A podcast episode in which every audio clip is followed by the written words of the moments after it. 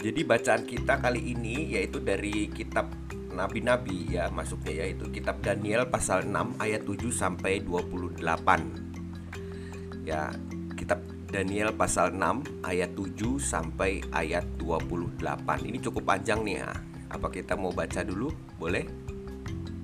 Boleh ya, kita baca ya. Daniel pasal 6 ayat 7 sampai 28.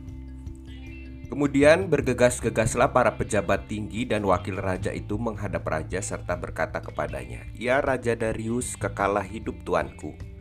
Semua pejabat tinggi kerajaan ini, semua penguasa dan wakil raja, para menteri dan bupati telah mufakat supaya dikeluarkan kiranya satu penetapan raja dan ditetapkan satu larangan agar barang siapa yang dalam 30 hari menyampaikan permohonan kepada salah satu dewa atau manusia kecuali kepada tuanku ya raja, maka ia akan dilemparkan ke dalam gua singa. Oleh sebab itu ya raja, keluarkanlah larangan itu dan buatlah satu perintah yang tidak dapat diubah menurut undang-undang orang Media dan Persia yang tidak dapat dicabut kembali. Sebab itu Raja Darius membuat surat perintah dengan larangan itu. Demi didengar Daniel bahwa surat perintah itu telah dibuat, pergilah ia ke rumahnya dalam kamar atasnya ada tingkap-tingkap yang terbuka ke arah Yerusalem. Tiga kali sehari ia berlutut, berdoa, serta memuji Allahnya seperti yang biasa dilakukannya. Lalu orang-orang itu bergegas-gegas masuk dan mendapati Daniel sedang berdoa dan bermohon kepada Allahnya. Kemudian mereka menghadap raja dan menanyakan kepadanya tentang larangan raja. Bukankah Tuanku mengeluarkan satu larangan supaya setiap orang yang dalam 30 hari menyampaikan permohonan kepada salah satu dewa atau manusia kecuali kepada Tuanku ya Raja akan dilemparkan ke dalam gua singa? Jawab Raja, perkara ini telah pasti menurut undang-undang orang Media dan Persia yang tidak dapat dicabut kembali. Lalu kata mereka kepada Raja, Daniel, salah seorang buangan dari Yehuda, tidak mengindahkan tuanku, ya raja, dan tidak mengindahkan larangan yang tuanku keluarkan. Tetapi tiga kali sehari ia mengucapkan doanya. Setelah raja mendengar hal itu, maka sangat sedihlah ia, dan ia mencari jalan untuk melepaskan Daniel. Bahkan sampai matahari masuk, ia masih berusaha untuk menolongnya. Lalu bergegas-gegaslah orang-orang itu menghadap raja serta berkata kepadanya, Ketahuilah ya Raja bahwa menurut undang-undang orang Media dan Persia tidak ada larangan atau penetapan yang dikeluarkan raja yang dapat diubah. Sesudah itu raja memberi perintah, lalu diambillah Daniel dan dilemparkan ke dalam gua singa.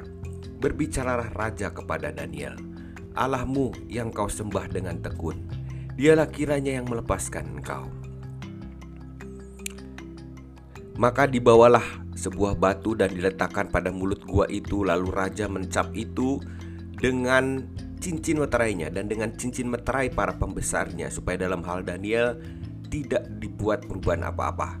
Lalu pergilah raja ke istananya dan berpuasalah ia semalam-malaman itu. Ia tidak menyuruh datang penghibur-penghibur dan ia tidak dapat tidur. Pagi-pagi sekali ketika fajar menyingsing bangunlah raja dan pergi dengan buru-buru ke gua singa. Dan ketika ia sampai dekat gua itu berserulah ia kepada Daniel dengan suara yang sayu. Berkatalah ia kepada Daniel, "Daniel, hamba Allah yang hidup, Allahmu yang kau sembah dengan tekun, telah sanggupkah ia melepaskan engkau dari singa-singa itu?" Lalu kata Daniel kepada raja, "Ya raja, kekalah hidupmu. Allahku telah mengutus malaikatnya untuk mengatupkan mulut singa-singa itu sehingga mereka tidak mengapa-apakan aku karena ternyata aku tak bersalah di hadapannya, tapi juga terhadap tuanku ya raja. Aku tidak melakukan kejahatan. Lalu sangat suka citalah raja dan ia memberi perintah supaya Daniel ditarik dari dalam gua itu. Maka ditariklah Daniel dari dalam gua itu dan tidak terdapat luka apa-apa padanya karena ia percaya kepada Allahnya. Raja memberi perintah, lalu diambillah orang-orang yang telah menuduh Daniel dan mereka dilemparkan ke dalam gua singa, baik mereka maupun anak-anak dan istri-istri mereka. Belum lagi mereka sampai ke dasar gua itu, singa-singa itu telah menerkam mereka, bahkan meremukkan tulang-tulang mereka. Kemudian Raja Darius mengirim surat kepada orang-orang dari segala bangsa, suku bangsa dan bahasa yang mendiami seluruh bumi. Bunyinya, bertambah-tambahlah kiranya kesejahteraanmu. Bersama ini kuberikan perintah bahwa di seluruh kerajaan yang kukuasai, orang harus takut dan gentar kepada Allahnya Daniel, sebab dialah Allah yang hidup, yang kekal untuk selama-lamanya. Pemerintahannya tidak akan binasa, dan kekuasaannya tidak akan berakhir. Dia melepaskan dan menolong dan mengadakan tanda mujizat di langit dan di bumi. Dia yang telah melepaskan Daniel dari cengkeraman singa-singa. Ya, itu dia Ibu Bapak, Saudara-saudara, bacaan kita untuk malam ini berlanjut ya sepertinya ya e, dari apa namanya yang lalu itu sejarah Israel saya bacakan sedikit sekilas mengenai latar belakang bacaan kita. Jadi kisah di dalam bacaan kali ini itu mengambil latar belakang kejadian di kerajaan Persia ya. Kita tahu karena ketidaktaatan umat Israel dan juga atas izin Allah umat Israel itu dibuang ke tanah asing. Dimulai dari suku uh, Israel Utara lalu juga Israel Selatan akhirnya jatuh ya Nah, dan di dalam pembuangan itu bukan saja mereka itu dipaksa untuk dijauhkan dari kampung halaman, tetapi juga dari iman mereka kepada Allah. Daniel beserta banyak pemuda Israel lainnya yang terpilih untuk dididik oleh pemerintah Babel. Nah, ini yang menangkap dan membuang ya mereka ke Babel, menempati posisi penting di pemerintahan itu. Kita bisa baca kisahnya di awal-awal kitab Daniel. Nah, setelah Babel dikalahkan kerajaan Persia, ya Daniel ternyata juga dipercaya melanjutkan peran penting di pemerintahan Persia itu. Namun rupanya ada yang katakanlah sirik dengan Daniel sehingga memanipulasi Raja Darius ya, Raja Persia itu untuk membuat peraturan. Dan peraturannya yang terburu-buru. Kalau kita lihat ini memang Raja Darius itu raja yang kayaknya itu kepemimpinannya lemah ya seperti itu kurang lebih. Sehingga lalulah dibuat ya peraturan untuk menyembah Darius itu katakanlah sebagai tuan ya sebagai tuan nah, e, tidak boleh ada yang lain selama 30 hari. Nah, di sini ternyata kita kembali melihat kesetiaan dan ketekunan Daniel untuk berelasi dengan Allah. Dan Daniel ternyata tetap berdoa, tetap menyembah Allah, tidak menyangkali Allah dengan mengikuti peraturan kerajaan Persia yang lahir dari sikap sirik bawaan raja itu. Walau akhirnya Daniel harus menempuh hukuman yang lahir dari sikap yang jahat itu, ya. Dan eh, karena kesetiaannya kepada Allah, ya dia harus menempuh, ya.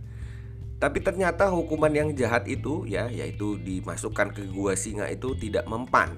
Ternyata kasih Allah melindungi Daniel Bahkan Daniel membuat Raja Darius itu kagum ya akan kekuasaan Allah. Ya, itu dia ya pengantar dari saya. Kita langsung saja ke pertanyaan interpretasi yang pertama. Menurut Anda, mengapa para pejabat tinggi dan wakil raja itu menyarankan raja untuk membuat aturan 30 hari? Harus menyembah raja seperti menyembah Tuhan?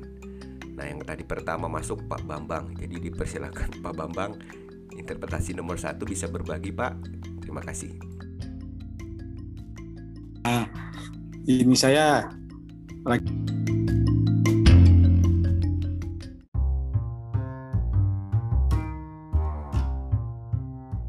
Baik, oke silakan Pak Bambang. Maaf kesalahan teknis. Silakan Pak, nomor satu. Sebentar Pak, saya belum berhasil membuka oh. jawaban. Ya. Boleh, boleh, boleh di ini Pak. Iya Pak, terima kasih. Ini pertanyaan interpretasi nomor satu ya? Iya betul Bu. Menurut Anda, mengapa para pejabat tinggi dan wakil raja menyarankan untuk membuat aturan 30 hari menyembah raja?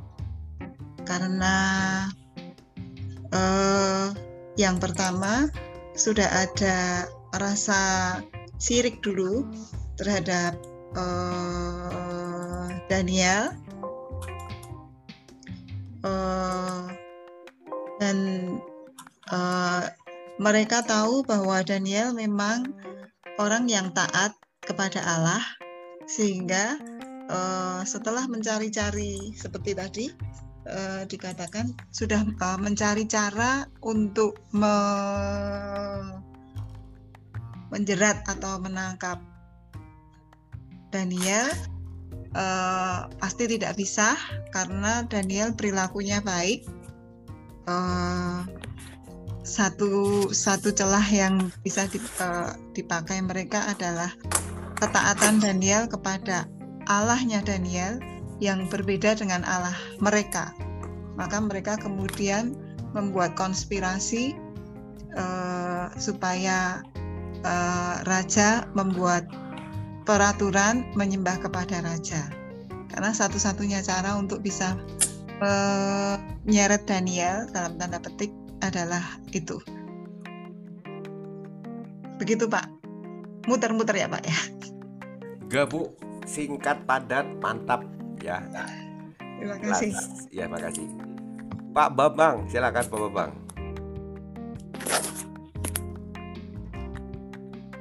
Ya Pak. Uh, saya melihat jawabannya sih katanya hampir sama sama Bu Nuni ya.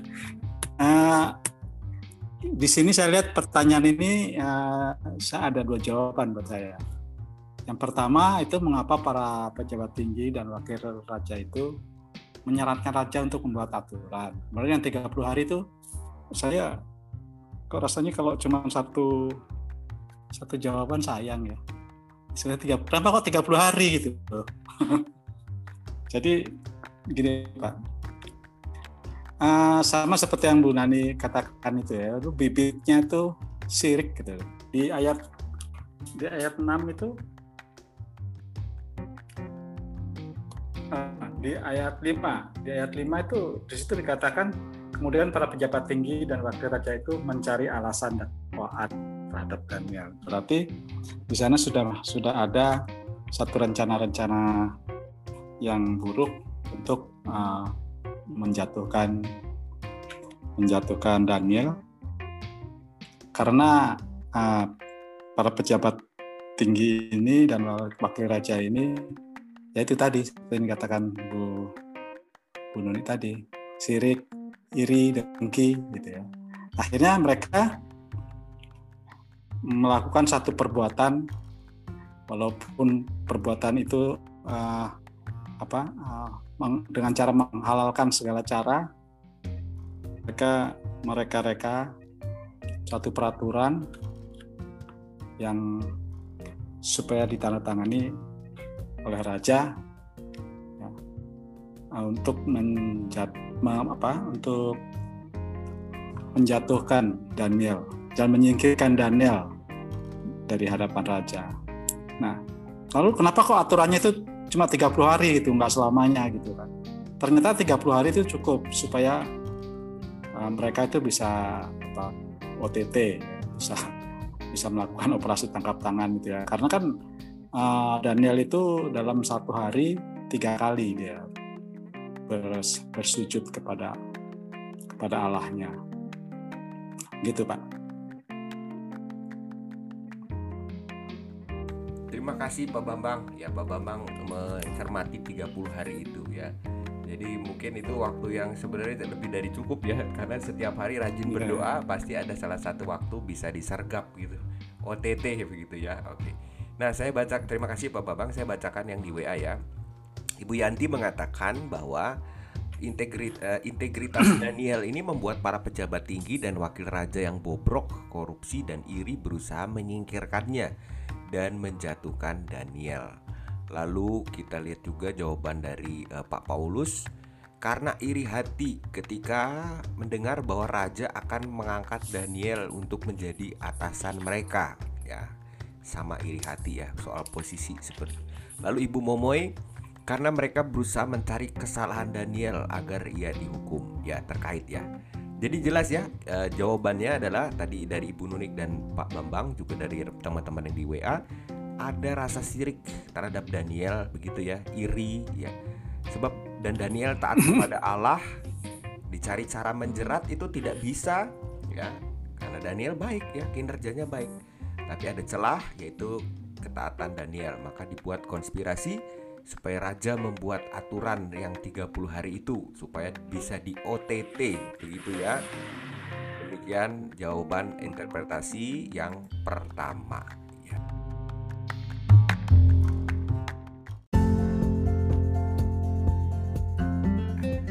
Apa ada yang mau eh, yang ada perbedaan begitu dari Pak Juni, dari Bu Yulin mungkin? Silakan. Saya saya uh, cuma mau bertanya aja Pak ya. Di uh, cerita ini kalau nggak salah orang Israel itu yang mendapatkan jabatan di kerajaan itu nggak cuma Daniel aja. Dia ada temannya lagi kan? Sadrak Mesak dan Abednego. Jadi ada ada empat orang orang Israel yang diangkat sebagai pejabat di kerajaan kan kok kenapa cuma Daniel aja gitu yang kena baik ini pertanyaan bagus ini ya Bu Yulin Nah, kita kenal juga selain Daniel, ada pemuda-pemuda lain ya yang juga baik begitu memimpin yaitu Sadrak, Mesak dan Abednego. Kok ini cuma Daniel? Ya kira-kira bisa ada yang bisa jawab? Mungkin Pak Bambang atau Bu Nuni, Pak Juni? yang tertulis itu cuma Daniel, Pak. Kalau Sadrak, Mesak, Abednego itu adanya di di apa di pasal 2 ya yang dia masuk ke perapian itu. Ya, tapi, tapi saya nggak tahu ya.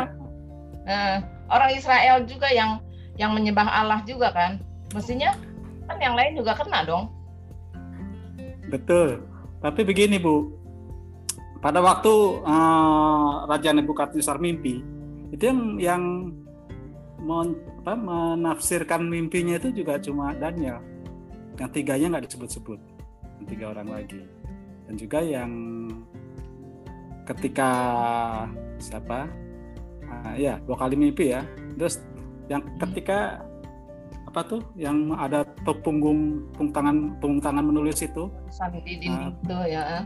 Ya di dinding. Ya. itu juga kan ya, cuma Daniel yang yang menafsirkan yang lainnya nggak disebut di dalam teks jadi kita nggak tahu ya mungkin karena karena yang yang bertiga itu mereka bukan sebagai penafsir mimpi ya seperti Daniel.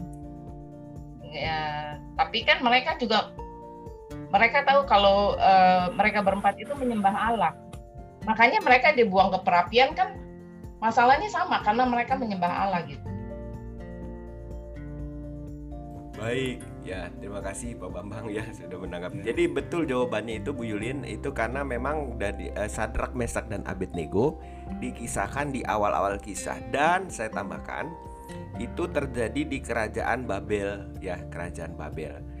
Dan kita masuk ke pasal 6. Nah, ini memang peralihannya ini nggak kentara ya. Tapi di situ di pasal 6 ternyata Babel itu diserbu, dikalahkan oleh kerajaan Persia.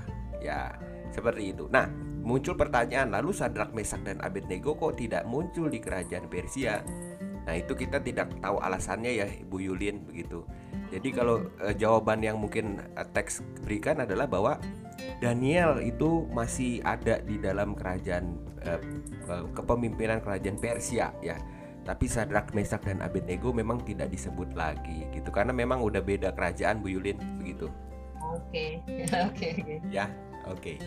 Makasih Bu Yulin pertanyaannya ya makin menjelaskan ya.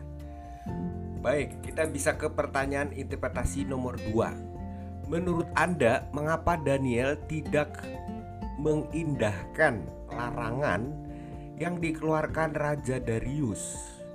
Dia tetap beribadah menyembah Allah. Kenapa? Silakan Bu Yulin dulu mungkin, Bu Yulin. um, ya mungkin Daniel itu kan orang yang taat kepada Allah. Jadi dia uh, tahu kalau uh, Allah itu tidak tergantikan meskipun dengan oleh raja sekalipun. Jadi dia lebih takut kepada Allah daripada uh, kepada raja ya. Um, ya kalau dia mengikuti uh, perintah raja seperti itu berarti dia kan mengabaikan Allah dan dia tidak tidak melakukan itu dia karena dia memang orang yang taat ya. Kalau kalau kita juga taat sama Tuhan kita disuruh uh, menyembah yang lain kan juga kita pasti nggak mau ya. Dan Baik. Uh, itu ya, saja dan Bu dia berani lakukan itu iya. Itu aja kak Jadi ternyata ya walaupun itu titah raja kata Bu Yulin, Daniel itu punya raja yang benar-benar raja ya yaitu Allah sendiri. Jadi dia lebih taat. Makasih Bu Yulin. Pak Bambang mungkin Pak Bambang? Ya, saya setuju dengan Bu Yulin karena memang Daniel ini kan uh, dalam berelasi dengan Allah dia uh, mewujudkannya dalam ketekunan dan kesetiaan yang yang luar biasa ya. Nah, di samping itu Daniel juga punya pengalaman spiritual. Di, dia kan orang yang hidup dalam tiga zaman itu zaman zamannya siapa? Uh, Nebukadnezar.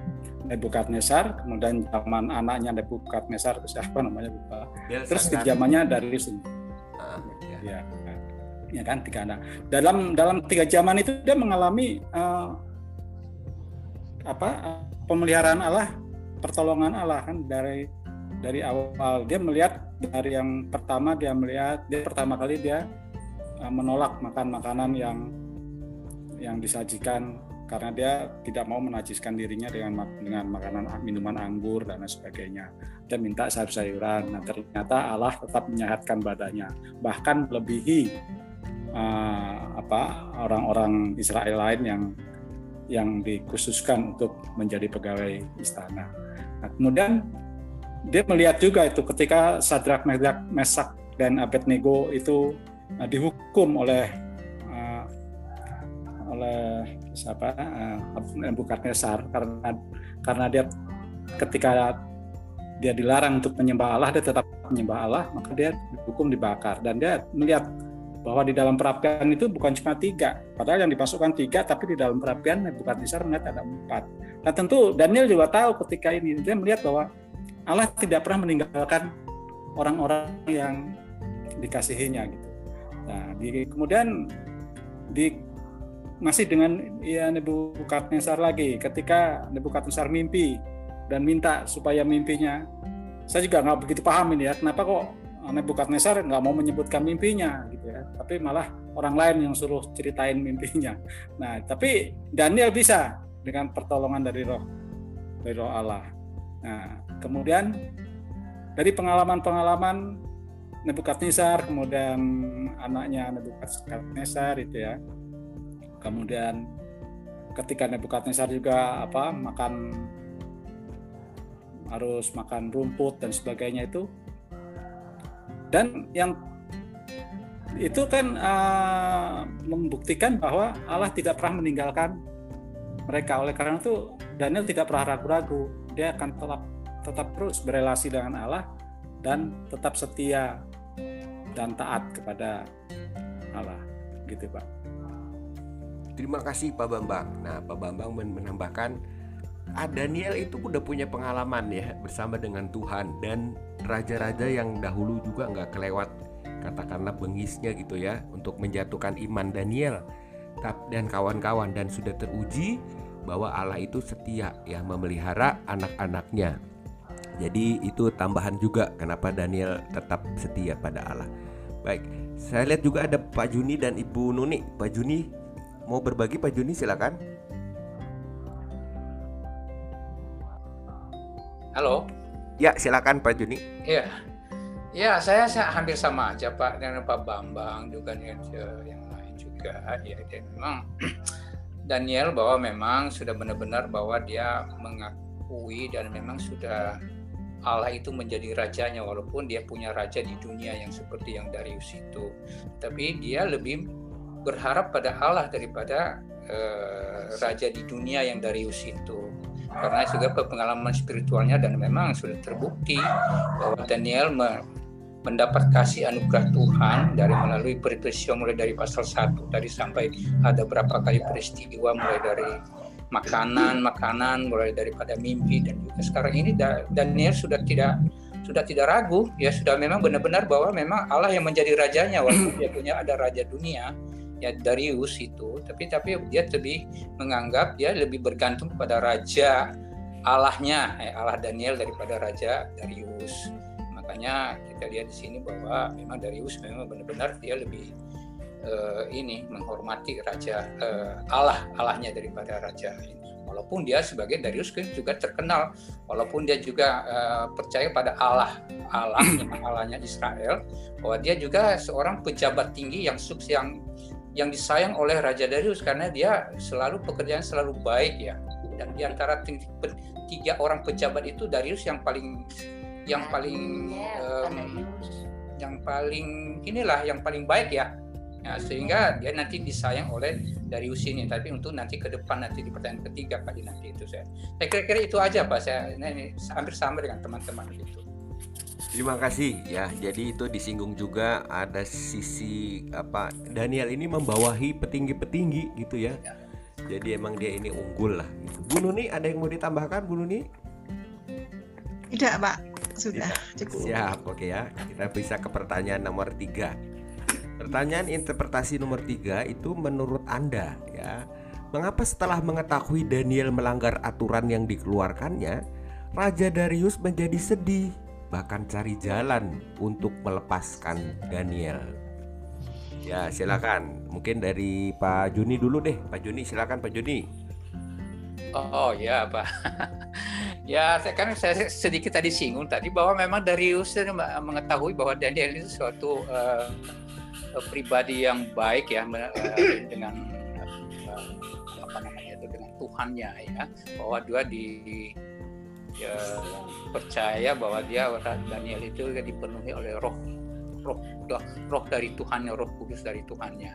Dan itu dan kedua memang Daniel ini bahwa uh, sudah menjadi satu catatan tersendiri bagi Darius dari peristiwa sebelumnya bahwa bagaimana uh, kebijakan daripada Daniel menafsirkan mimpi dan segala macam itu dan sehingga sudah menjadi catatan bagi Darius bahwa Darius bahwa Daniel ini benar-benar uh, patut dipercaya uh, dan memang itu ya, sesuatu orang yang bekerja dengan baik pasti disayang oleh raja.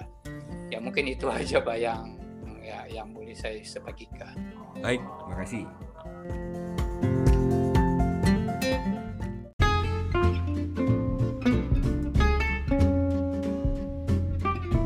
Bu Nuni, silakan Bu Nuni. Ini unik ini Bu Nuni. Ya, silakan Bu Nuni. Ya, mengapa raja sedih ini ya? Ya. Uh, kalau saya membayangkan, memang Raja Darius ini dia punya benih yang baik. Artinya memang uh, sangat beda dengan kalau kita membaca pasal-pasal sebelumnya bagaimana uh, Nebukadnezar yang sudah bermimpi tadi uh, seperti yang dikatakan Pak Bambang kenapa dia tidak mengatakan mimpinya malah Daniel justru itu karena dia mimpi tapi dia lupa dan tidak tahu apa mimpinya, tapi itu menggelisahkan dia. Maka dia ingin membangkitkan mimpinya itu kembali karena sudah meresahkan dia. Tapi ketika dijelaskan Daniel bahwa uh, arti uh, mimpinya seperti apa dan makna mimpinya itu sesungguhnya uh, sangat uh, telak bagi dia, tapi toh dia tidak tidak mau apa ya katakan uh, uh, secara lugas tidak mau bertobat. Begitupun dengan anaknya Belsasar ketika dia me, uh, melihat uh, punggung tangan yang menulis mene mene tekel itu sudah diartikan oleh Daniel. Artinya juga uh, jelas toh dia tidak tidak apa ya tidak mau bertobat. Jadi saya melihat uh, memang Raja Darius ini Raja Persia ini beda dengan Raja uh, Babel. Dia memang pada dirinya sendiri orang yang baik. Kalau seorang raja uh, mempunyai kekuasaan yang tertinggi kemudian eh, apa namanya dihasut oleh para pejabatnya supaya eh, bahwa kamu itu orang yang tertinggi yang pantas disembah, tidak ada yang lain selain kamu yang bisa disembah. Itu kalau orang uh, raja seperti uh, seperti Belsasar atau seperti Nebukadnezar pasti benar-benar marah, tapi Darius enggak. Jadi memang pada pada dirinya sendiri Darius ini uh, baik orangnya dan dia pasti juga pernah mendengar sudah mendengar uh, jejak hidupnya Daniel. Sehingga uh, mau tidak mau dia juga uh, punya punya pandangan yang baik terhadap Daniel. Begitu. Mungkin itu Pak terima kasih Bu Nunik ya Bu Nunik uh, Mbak Esi, saya ya. ini saya mau melengkapi saya tadi tadi saya saya boleh. Jadi sebenarnya ini tuh kenapa ke pertanyaan nomor tiga itu jadi merap, uh, saya mencatatkan kenapa Raja Darius menjadi sedih bahkan cari jalan untuk melepaskannya ya. Karena ini kalau kita lihat dibaca di ayat uh, pasal 6 di ayat, ayat 6 mulai dari 7 ya. Jadi sebenarnya itu pejabat-pejabat yang lain ya mungkin ya pejabat yang lain teman-teman daripada Darius ini menghadap raja. Karena mereka lihat-lihat bahwa Daniel itu salah satunya untuk tidak mereka mereka tidak mendapat satu kesalahan atau kelemahan dari Daniel salah satunya hanya mengenai masalah Tuhannya. Nah, mereka datang kepada Darius dan mereka itu melaporkan kalau tidak ada menyembah uh, uh, raja bahwa akan dihukum akan ada tetapi mereka melaporkan ini mereka tidak menyebutkan siapa pejabat itu yang mau ini yang mau di uh, yang mau yang mau tidak yang tidak taat menyembah kepada raja Darius. Mereka tidak menyebut Daniel. Nah, itu di sini mungkin kalau seandainya Raja Darius tahu bahwa dan Daniel mereka sebut mungkin lain cerita kali Pak. Ya. Jadi mereka itu hanya melaporkan kepada raja aja kalau di, di ayat-ayat 7 sampai ayat 9 itu bahwa itu yang ada pejabat ya, ada pejabat yang tidak mau tunduk kepada raja raja Darius. Mereka tidak menyebutkan siapa orang itu. Nah, makanya tuh sudah tahu bahwa raja Darius tahu bahwa yang dimaksudkan mereka itu Daniel, makanya raja sedih gitu. Ya, mungkin itu aja saya tambahkan tadi, Pak. Terima kasih. Terima kasih Pak Juni ya. Jadi selain kata Ibu Nunik rekam jejak dari Daniel ini, uh, sorry, uh, uh, Raja Darius itu pada dasarnya itu punya hati yang baik ya sehingga dia merasa sedih. Nah Pak Juni menambahkan ini kayaknya dia kayak dijebak gitu ya tadi uh, bahwa memang diminta buat aturan tapi Raja Darius ini dia tidak tahu bahwa sebenarnya pejabat-pejabat tinggi ini sedang mengincar untuk menjatuhkan Daniel gitu ya. Jadi selaras dengan Bu Nuni bahwa sebenarnya Raja Darius ini beda dengan raja-raja seperti Nebukadnezar dan sebagainya. Dia itu raja yang baik lah katakan begitu ya, punya benih-benih kebaikan dan kepolosan dan keadilan begitu ya. Baik, terima kasih. Berikutnya Bu Yulin, silakan Bu Yulin. Hmm. Uh, udah terjawab semua Pak memang kelihatannya uh, Raja Darius ini uh, sebenarnya sayang sama Daniel dan dia percaya pada Daniel. Karena Daniel memang kan di situ dia mengungguli dari pejabat pejabat yang lainnya. Dia lebih baik. Ya otomatis raja pasti sayang ya sama dia. Tapi uh, apa boleh buat karena peraturan sudah dibuat saya ada satu pertanyaan nih Pak. Boleh, boleh Bu. Boleh. Um, di di ayat sebelumnya itu Daniel itu kan di kamarnya mempunyai tingkap-tingkap itu maksudnya jendela ya yang ke arah Yerusalem ya. Apa apa zaman dulu itu orang kalau ingin berdoa itu harus menghadap ke ke sana gitu loh. Seperti sekarang kan kalau uh, saudara-saudara muslim kita kan kalau dia sembahyang dia mengarah kiblat istilahnya ya. Apakah itu sama maksudnya ya? Baik, pertanyaan bagus. Terima kasih. Ada lagi Bu Yulin itu aja? Ya, itu aja, Pak. Ya. Silakan bagi yang mungkin mau menjawab tahu jawabannya siapa? Ya, Bu mungkin ya, begini, Pak. Ya, uh, orang Israel uh, pada masa uh, Salomo kan membangun bait Allah ya. Kemudian uh, di uh, simbol bait Allah itu adalah simbol kehadiran Allah. Nah, maka Yerusalem itu uh, di, uh, tempat diletakkannya bait Allah itu adalah Allah hadir di situ. Nah, eh, bait Allah itu adalah pusat ibadahnya orang Yahudi, orang Israel pada waktu itu. Karena di dalam bait Allah lah eh, orang bukan hanya membaca eh, Taurat, tetapi memberi persembahan.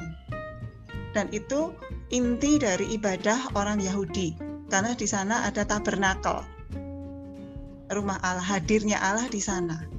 Ketika orang eh, ketika bangsa Israel di, eh, dikalahkan oleh Nebukadnezar, kemudian mereka diangkut ke Babel, mereka kehilangan orientasi ibadah mereka. Mereka tidak bisa memberi persembahan, mereka tidak bisa uh, membaca Taurat. Maka seolah-olah mereka tuh memang kehilangan akar, akarnya, kehilangan hidupnya.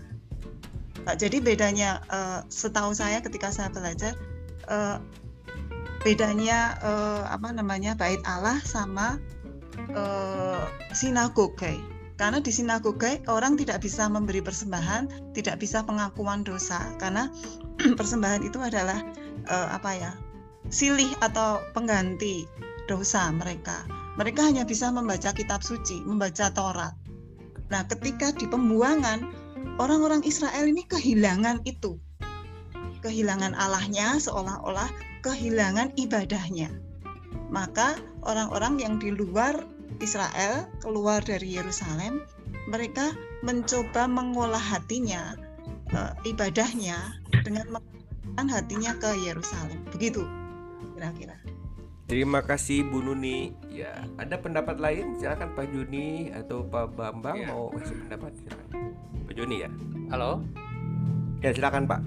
Oh ya sebelum yang lain ini Pak saya mau melengkapi aja karena eh ini kan posi, eh, Daniel ini mereka posisi mereka kan dalam pembuangan jadi bukan di tanah Israel. Dan memang sudah eh, sudah dulu tuh mereka ada eh, kalau mereka berdoa itu kan ada kiblatnya ke Yerusalem. Nah ke Yerusalem kan kita baca di ayat ini kan jadi eh, dan ada tiga kali kita lihat di sini kita baca ada doa Daniel tiga kali dalam sehari ya dalam sehari dan di memang ini mungkin tradisi ini diteruskan oleh murid-murid Tuhan Yesus juga seperti Petrus ya. Waktu Petrus waktu di ini oleh oleh oleh tentara Romawi itu siapa itu yang itu. Jadi dia, dia juga hampir meneruskan eh, doa-doa se- seperti eh, Daniel ini. Jadi tiga kali ada yang juga yang tujuh kali ya ada juga ta- tapi Daniel kita kita lihat di sini tiga kali ya di dalam ini. Jadi mereka menghadap itu Yerusalem karena mereka kan eh, tidak Yerusalem mereka mereka dalam posisi di di tanah eh, pembuangan ya di Babel. Jadi di pembuangan jadi mereka kalau mereka berdoa itu walaupun di mana pun mereka mereka kiblatnya ke Yerusalem pak dan memang itu masih dipelihara juga seperti gereja gereja-gereja Timur Tengah ya seperti Koptik dan juga Ortodok. Mereka juga memelihara tradisi seperti ini. Hanya kita di seperti di Indonesia kita tidak memelihara itu karena kita kan dibawa oleh oleh eh, reforma eh, oleh orang-orang Barat ya. Kita ber, kita di itu F- apa namanya itu eh, eh, misionaris kita adalah dari Barat. Sehingga tradisi-tradisi ini hilang ya hilang tapi kalau tra- tradisi di Kristen di Timur Tengah yang di Timur Tengah di Mesir di Syria dan di Koptik atau di ini kan masih mereka masih memelihara memelihara ini eh, kebia- kebiasaan ini Pak terima kasih begitu aja kak yang saya mau tambahkan Pak Ya, terima kasih Pak Juni. Pak Bambang ada pendapat Pak Bambang? Ya Pak, sebetulnya saya sependapat dengan Bu Nuni tadi ya. Cuma sedikit sekali Pak, sedikit sekali. Iya, iya. Waktu Ya. waktu kita belajar dulu tentang Daud, kan bilang Allah bilang waktu Daud membuat rumah Allah, kalau nggak salah itu ya, masakan aku, masakan kamu akan membuat rumah bagiku. Jadi jadi bukan Allah yang ada di sana, tapi lambang kehadiran Allah yang ada di dalam di dalam bait Allah itu. Jadi katanya itu Pak. Terus sekarang ini kan bait Allah itu sudah dua kali dihancurkan.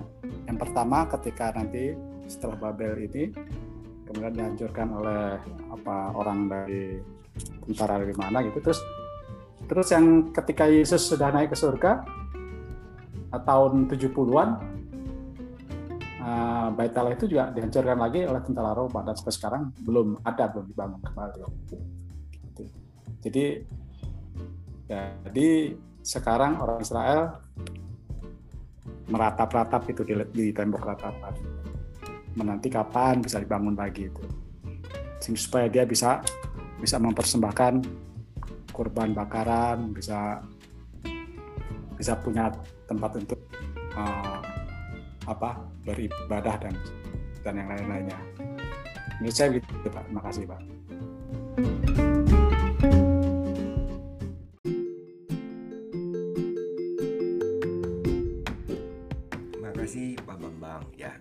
Jadi saya sih sepakat ya merangkum apa yang dijawab oleh tadi tiga itu Bu Yulin ya bahwa saya senang kata-kata dari Bu Nuni mengolah hati itu kuncinya ya. Jadi seperti Bu Nuni jelaskan Pak Joni dan Pak Bambang juga uh, Allah itu simbol kehadirannya ya, simbol ya, simbol kehadiran itu tabut perjanjian ya. Dan itu diletakkan di ruang maha suci di bait Allah. Nah, memang waktu orang Israel ini digempur sama Babel itu hancur itu. Bait Allah hancur ya. Tapi terus nah inilah Daniel ya Kenapa kok Daniel mesti ke Yerusalem? Itu sebagai sarana Daniel untuk mengolah hati, nginget bahwa tuh Tuhan setia akan janjinya. Walaupun mungkin saat itu memang bait Yerusalem udah hancur ya. E, seperti itu. Nah, saya coba analogikan gini. Saudara-saudara kita di Katolik Roma itu ada ikon-ikon suci semacam patung Bunda Maria ya, e, Santo Santo, Santa gitu. Mereka terus berdoa di depan itu, depan patung gitu ya. Nah kalau kita tanya mereka, mereka tuh nggak nyembah patung itu ndak, tapi ya itu tadi kata-kata Bu Nuni mengolah hati ya, supaya pada saat mereka melihat patung Bunda Maria misalnya ya, mereka ingat gitu bahwa akan e, cinta kasih Bunda Maria begitu ya, e, yang dirahmati Tuhan melahirkan bayi Yesus kurang lebih gitu ya. Jadi kenapa kok Daniel menghadap ke Yerusalem itu sarana dia untuk mengolah hati ingat bahwa e, Allah tuh setia pada janjinya ya dan memang seperti kata Pak Bambang tadi ya waktu itu bait mau dibangun juga Daud udah dikasih peringatan ya. Daud, aku ini dari dulu udah bimbing umatku. Udah tenang aja kamu bahkan yang aku kasih uh, apa namanya hmm, perlindungan ya. Tapi memang diizinkan juga Salomo membangun dan itu pun bait itu sebenarnya fungsinya adalah untuk uh, ya tadi ritus apa ya sebuah tempat untuk mereka itu mengolah hati sebenarnya ya Cuman memang, nah ada beberapa juga yang menafsirkan itu uh, ber, bapak berkib, katakanlah berkiblat ya. Jadi mengarahkannya itu ke situ, seolah-olah Allah tuh ada di situ gitu. Seperti sekarang ini, ini saudara-saudara di Israel itu, yang Yahudi yang mungkin agak uh, ortodoks gitu, mereka terus berupaya membangun kembali itu bait Allah ya. Uh, satu-satunya sisa bagian yang diyakini masih ada itu tembok itu yang tadi Pak Bambang bilang tuh, tembok ratapan ya. Di situlah mereka berdoa ya bahkan sampai membenturkan dahi gitu katanya ya. Saya belum pernah ke sana. Eh, nah itu pandangan mereka bahwa memang bait Allah itu Tuhan hadir di sana gitu nah tapi kalau kita ini kan kita ini pengikut Yesus kita e, percaya bahwa Mesias itu Yesus Yesus ajarkan Tuhan kita kita ini menyembah dalam roh dan kebenaran gitu jadi kita nggak lagi ngikutin caranya Daniel gitu ya. Jadi saya nggak mau nyalahkan ya Daniel menghadap ke Yerusalem. Waktu itu ya kita justru malah mesti bersyukur Daniel ini berupaya mengarahkan hatinya pada Tuhan gitu. Ya makanya kalau kita kalau kita orang Kristen gimana? Nah, kalau pengutusan jelas tuh pendeta bilang arahkan hatimu pada Tuhan. Kiblat kita ke Tuhan, nggak ke Yerusalem nggak ke mana. Nah tadi Pak Joni singgung kalau gereja-gereja itu masih ada, eh saya kurang tahu dah tuh ya, saya mesti cek lagi. Tapi seingat saya itu arah gereja itu ke timur ya, seingat saya ya, matahari terbit. Ya, sebab memang di situlah e, mereka ingat e, kebangkitan Kristus Paskah gitu. Kalau misalnya ada gereja yang menghadap ke Yerusalem, saya nggak tahu juga ya. Mungkin ada ya, tapi e, nggak nggak terlalu banyak. Karena memang e, dogma kita ya, ajaran utama kita itu kita menyembah dalam roh dan kebenaran, dan hati kita diarahkan kepada Tuhan ya jadi nggak soal juga kita ngadep ke mana yang penting hati kita tuh terarah kepada Tuhan begitu itu Dan juga kita tra- tradisi Protestan ya, nggak seperti Katolik gitu ya, yang mesti dibantu mungkin dengan ikon-ikon suci. Kalau kita itu lebih eh, iman ya, lebih mengarahkan pikiran dan hati. Jadi begitu Bu Yulin jawabnya ya. Ya. Pengolahan hati Daniel ya untuk setia ingat perjanjian Tuhan, makanya dia ngadep ke Yerusalem. Oke, terima kasih Pak. Eh, Pak sih, boleh saya saya menanyakan Pak, mau Boleh, boleh. tanya Pak ya. Nah, mungkin kan kita ingat dulu percakapan Tuhan Yesus dengan eh, perempuan Samaria bahwa memang disinggung juga bahwa itu eh, Tuhan Yesus mengatakan bahwa itu menyembah Allah bukan di bukit ini dan bukit di Yerusalem, ya kan? Ya, berarti bahwa itu eh, tidak lagi berkiblat kepada Yerusalem. Nah, kita lihat sementara Tuhan Yesus eh, murid-murid Tuhan Yesus seperti Petrus waktu kita dia diberikan penglihatan itu bahwa binatang-binatang yang yang itu yang berkuku genap atau yang itu yang najis lah istilahnya itu. Dan dia juga meneruskan kebiasaan tapi Daniel itu. Dia juga berdoa seperti Daniel ada waktu-waktu berdoa mereka. Nah itu yang pertanyaan saya. Sementara Tuhan Yesus pada waktu itu kan dia bahwa bukan di Yerusalem dan bukan di bukit ini eh, untuk menyembah Allah ya tapi kenapa sampai murid-murid Tuhan Yesus masih meneruskan tradisi-tradisi seperti Daniel ini, jam-jam doa mereka itu, Pak? Kira-kira apa kira-kira itu, Pak? Makasih Pak Joni. Nah, memang jam doa terus itu itu lebih umum Pak ya. Artinya begini, eh, seperti Petrus, Yohanes ya, murid-murid pertama itu mereka menjalankan ritus-ritus Yahudi itu eh, sama dengan saudara-saudara mereka gitu ya. Nah, ada jam sembahyang, cuman memang ya eh, pada waktu Petrus itu kan sebelum yang kisah eh, mimpi itu ya Pak. Waktu awal-awal mereka itu disuruh untuk mengabarkan Injil itu bait Yerusalem masih ada pak. Kurang lebih ya mungkin masih tahun 40-an gitu ya settingnya begitu. Jadi Petrus ya pergi waktu jam sembahyang ya ke pergi ke bait Yerusalem memang ya. Tapi eh, set- kalau di dalam kisah mimpi itu kan waktu berdoa itu kita nggak dikasih tahu ngadepnya ke mana pak nggak Iya. ada gitu ya Petrus ngadep ke Yerusalem nggak ada tapi jam doa iya gitu Ya. jadi Tapi jam sem- sementara Tuhan Yesus kan dia bilang nggak nggak nggak ini lagi, tidak tergantung lagi ya, walaupun di eh, ini eh, jam-jam doa itu waktu Tuhan Yesus eh, apakah masih terpelihara nggak waktu itu masih Tuhan Yesus waktu masih ada di di dunia Pak? Ya, jadi uh, ap- apa yang dikatakan Tuhan Yesus menyembah dalam roh dan kebenaran itu lebih menyinggung lokasi penyembahan. Kan kata perempuan Samaria kami menyembah Tuhan di eh, di ada tempatnya itu ya di Bet Di- di saya lupa di Betel atau di mana gitu ya mereka di Silo kalau nggak salah ya. Ada gitu karena memang orang Samaria tuh di bagian utara. Kalau yang selatan tuh agak yang keturunannya Daud tuh Yerusalem. Pokoknya di harga mati Yerusalem gitu orang Samaria di daerah Silo dan di, beberapa tempat tertentu begitu nah Tuhan Yesus mengatakan ada saatnya nah saatnya itu kapan saatnya itu waktu Tuhan Yesus naik ke surga ya Pak, Pak, Pak, Pak Juni kamu akan menyembah di dalam roh dan kebenaran. Artinya adalah lebih ke lokasi itu nggak masalah. Nah, tapi kalau memang jam doa, jam sembahyang itu eh, ya Tuhan Yesus aja se- setiap malam saya udah singgung di acara ngobras ya itu berdoa selalu gitu. Jadi kalau untuk jam doa nggak dipermasalahkan sama Tuhan Yesus. Tapi memang lokasi doa Tuhan Yesus tuh nggak nggak memerintahkan ke- Yerusalem. Tuhan Yesus di, di Matius 6 ayat 6 kalau kamu berdoa masuklah ke kamarmu ya kuncilah pintumu dan berdoalah kepada Bapamu yang di tempat tersembunyi ya nah di situ juga jadi eh, acuan nas kita bahwa kita ini nggak lagi berdoa ngadep ke mana ke mana nggak tapi berdoa kepada Bapa ya. Ya seperti itu. Kapan? Ya kalau di 1 Tesalonika 5 ayat 17 jelas tetaplah berdoa. Kapan pun di mana pun gitu. Jadi kalau Pak Joni bingung gitu ya, kalau pegangannya gini Pak, awal-awal rasul-rasul pertama itu selagi bait Yerusalem belum hancur tahun 70 ya, Ya. mereka tuh masih di situ Pak, masih ke Yerusalem, masih ke beribadah ke apa bait suci. Cuman memang mereka dianiaya Pak Joni. Jadi mereka itu kan yang mempercaya Yesus itu Mesias, itu dianiaya.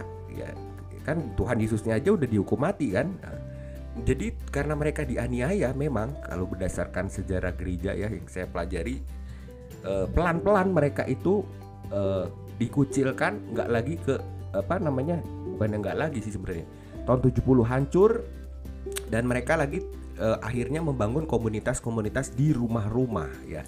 Jadi tidak lagi berkiblat di uh, Yerusalem. Dan begitu juga orang Yahudi. Pada akhirnya itulah muncul yang Ibu Nuni singgung tadi sinagoga ya. Sinagoga itu muncul pasca uh, bait Yerusalem sebenarnya sudah uh -uh, sudah mulai hancur begitu ya. Jadi mereka berkumpul di rumah-rumah rumah-rumah gitu. Nah begitu Pak Joni ya. Oke Pak. Oke baik baik uh -uh, ya jadi memang awal-awalnya masih ke bait suci tapi kemudian dimusuhi dan akhirnya mereka ke rumah-rumah. Dan rumah-rumah itulah yang jadi cikal bakal gereja kita sekarang ini ya. Kayak misalnya GKI Halimun juga kan kita itu dulu uh, beachstone rumah-rumah dulu gitu ya.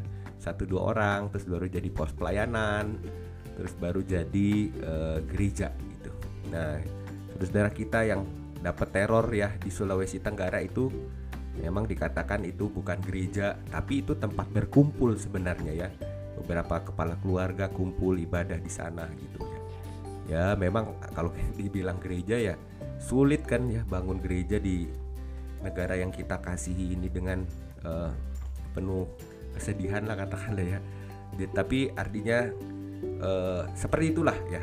Uh, kita nggak lagi berpijak di lokasi tertentu sebab kita percaya kita menyembah dalam roh dan kebenaran pertanyaan bagus nih Bu Yulin ya. Kalau saya usul nih mungkin nanti kita digilir untuk bikin pertanyaan nih ya. Boleh nih. Bagus bagus Bu Yulin pertanyaannya aktual. Oke ya. Jadi kita bisa ke nomor 4 ya. Sebelumnya saya bacakan dulu yang di WA ya.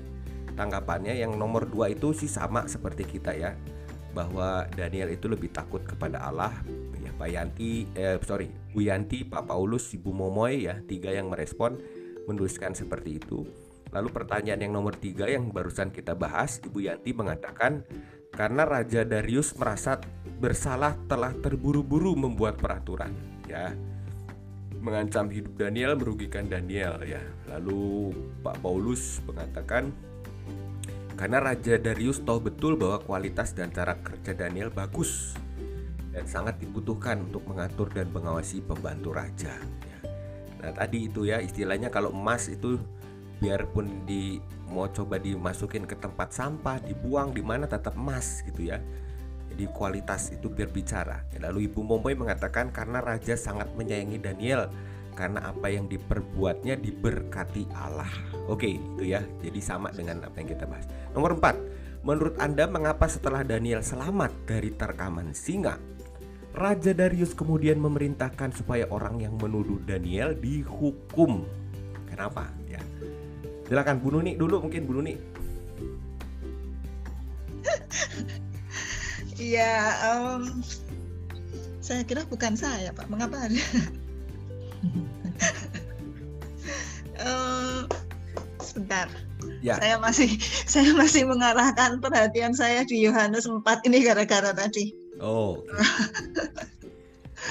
ini uh, saya pengen Ibu, Ibu Nuni masih di pinggir sumur nih ceritanya nih. Iya. Boleh Bu kalau ada temuan-temuan Bu Yohanes 4 boleh berbagi. Yang tadi kan uh, uh, perempuan Samaria ya Tuhan Yesus uh -uh. tuh bukan sekedar kamu akan uh, kamu menyembah uh, uh, bukan di sini tapi yang yang lengkap adalah uh, Yohanes 4 ayat 21 Kata Yesus kepadanya, "Percayalah kepadaku, hai perempuan, saatnya akan tiba." Jadi ada saatnya akan tiba bahwa kamu bukan lagi menyembah, uh, menyembah Bapa, bukan lagi di gunung ini dan juga bukan di Yerusalem. Saatnya akan tiba. Dan itu kalau dilihat uh, apa namanya konteksnya memang uh, uh, selain dia orang Samaria yang yang uh, apa namanya dianggap berbeda ya karena dia dianggap orang yang tidak mengenal Allah katakan orang orang apa namanya uh, orang fasik gitu ya oleh orang-orang di Yehuda. Nah Tuhan uh, uh, mau mengingatkan ada saatnya akan tiba kamu bukan menyembah bahkan itu Tuhan memberi uh, apa ya uh, meluruskan paham uh, orang perempuan Samaria ini. Nah, itu aja.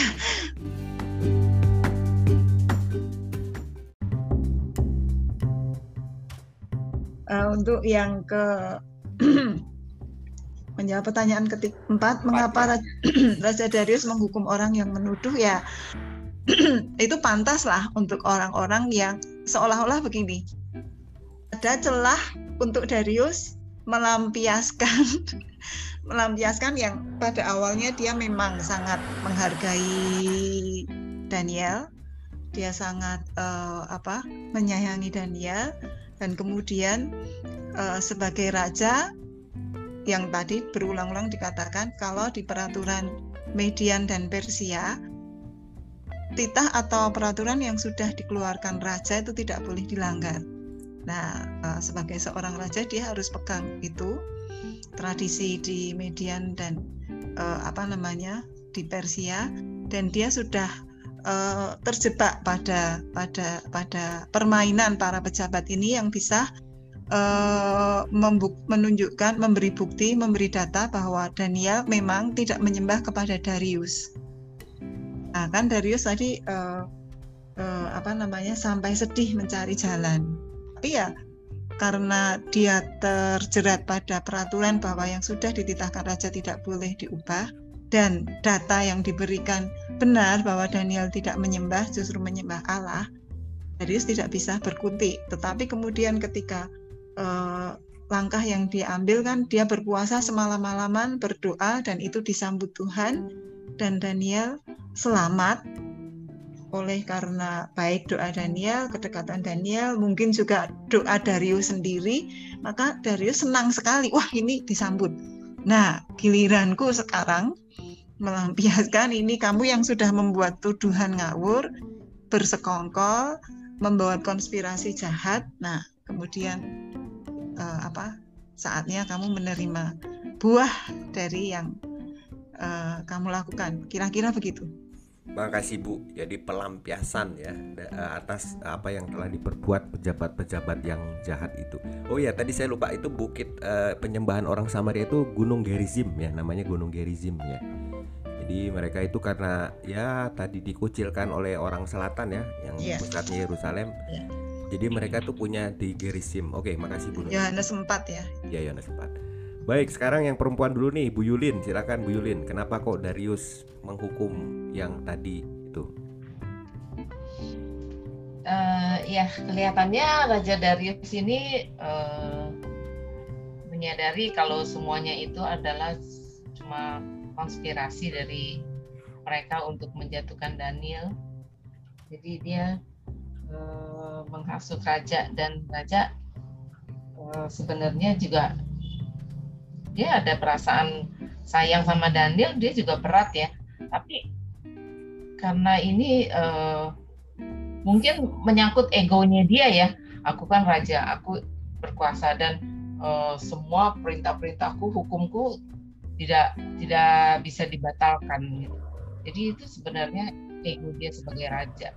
Dia ingin uh, disembah dan menjadi satu uh, semua berpusat pada dia gitu semua ingin menyembah dia itu itu sangat membanggakan dia gitu. Tapi dalam hatinya dia juga uh, sebenarnya mengakui kalau Allahnya Daniel itu juga maha kuasa gitu.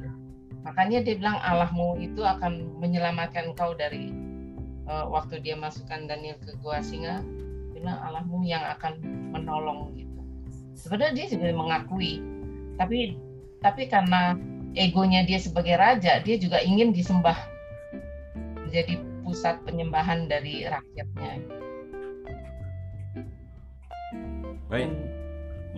Ya itu aja pak. Baik makasih Bu Yulin. Nah Bu Yulin uh, agak sedikit tadi mengingatkan ya bahwa uh, awalnya kenapa kok uh, Raja Darius ini begitu pongah ingin dijeb apa gampang gitu dijebak ya karena tadi ada ego juga nih raja ya. Jadi si pejabat-pejabat yang sirik ini masuk ke situ. Enak kan dia 30 hari diagung-agungkan. Eh ternyata pilihan dia itu malah kemudian menjebak Daniel yang justru kinerjanya bagus. Di situlah dia merasa kaget ya kan. Aduh, ternyata aku dikibulin makanya dia nggak bisa tidur tapi begitu Daniel selamat dia tahu wah ini Daniel ini bener orang baik ini ya Allah Daniel itu betul-betul berkuasa ini. Makanya dia tahu sekarang mana yang jahat mana yang tidak. Oleh sebab itu tadi kata Bu Nunik dilampiaskan dihukumlah ini eh, para pejabat yang jahat. Makasih. Aduh Pak Bambang silakan Pak Bambang. Sama Pak. Jawabannya Pak. sama ya Keren. Pak ya? Sama Pak. Itu. oke. Udah. Pak oke. Pak Juni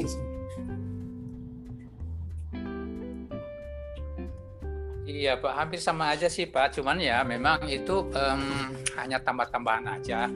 Ya teman-teman udah nyinggung itu sih, saya setuju juga mungkin pendapat saya. Tapi cuman hanya tambahan aja bahwa memang eh, satu bukan masalahnya bukan lagi masalah eh, raja disembah dia apa namanya tuh penyembahan kepada raja lagi. Jadi dia melihat kenyataan bahwa memang tuh raja, eh, Allahnya Daniel itu jauh lebih berkuasa daripada dia sendiri ya dari- daripada dia sendiri sehingga dia tidak mempersalahkan lagi masalah eh, apa namanya itu eh, kepada masyarakat untuk dia harus tunduk malam kalau kita baca di ayat di ayat 26 jadi di Raja Darius mengirim surat kepada seluruh orang dari segala bangsa bahwa Raja Daniel itulah yang disembah gitu.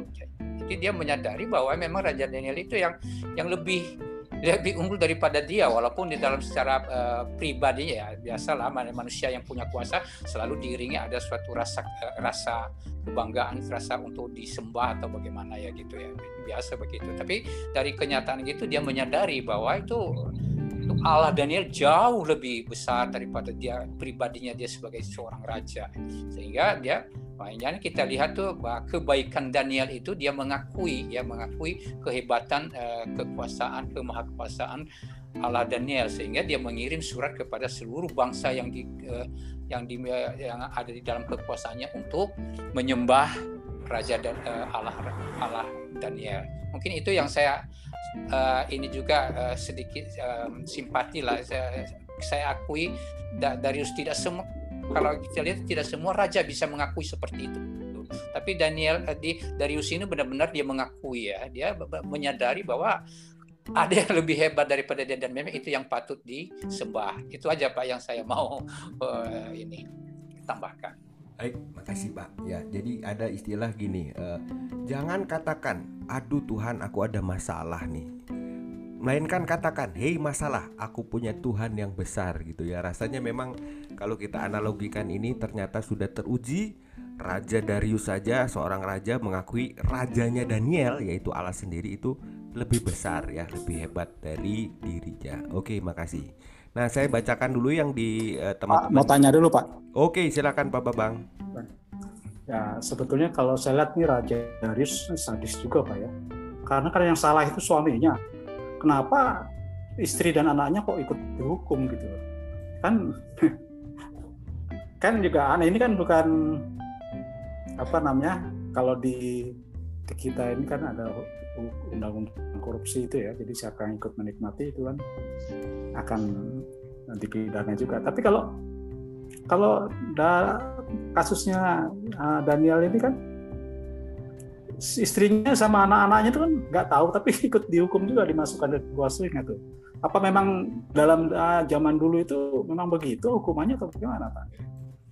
Ya, waduh ini pertanyaan yang sulit ini ya Pak Bambang ya. Yang mau Mungkin menjawab? mungkin bisa dilihat di at- atas ya, di Oh, boleh, ayat-ayat silakan. di ayat-ayat di atas misalkan ayat 23, tapi walaupun itu masih eh, beda zaman ya. Tapi ini bisa menjadi kita berkaca. Tuanku meninggi, meninggikan diri terhadap yang berkuasa di surga, perkakas dari baitnya dibawa orang kepada tuanku, lalu tuanku serta para pembesarnya, pembesar tuanku, para istri, para gundik tuanku, itu ikut menikmati. Jadi mereka itu eh, apa namanya menjadi satu kesatuan, satu keluarga. Nah sekarang pun mestinya juga begitu, kayak seperti ini ya. Yang paling baru contohnya Menteri KPP, apa eh, Menteri penggantinya Bu Susi yang kemarin terjebak eh, oleh KPK. Pak EP, Kan- Bu.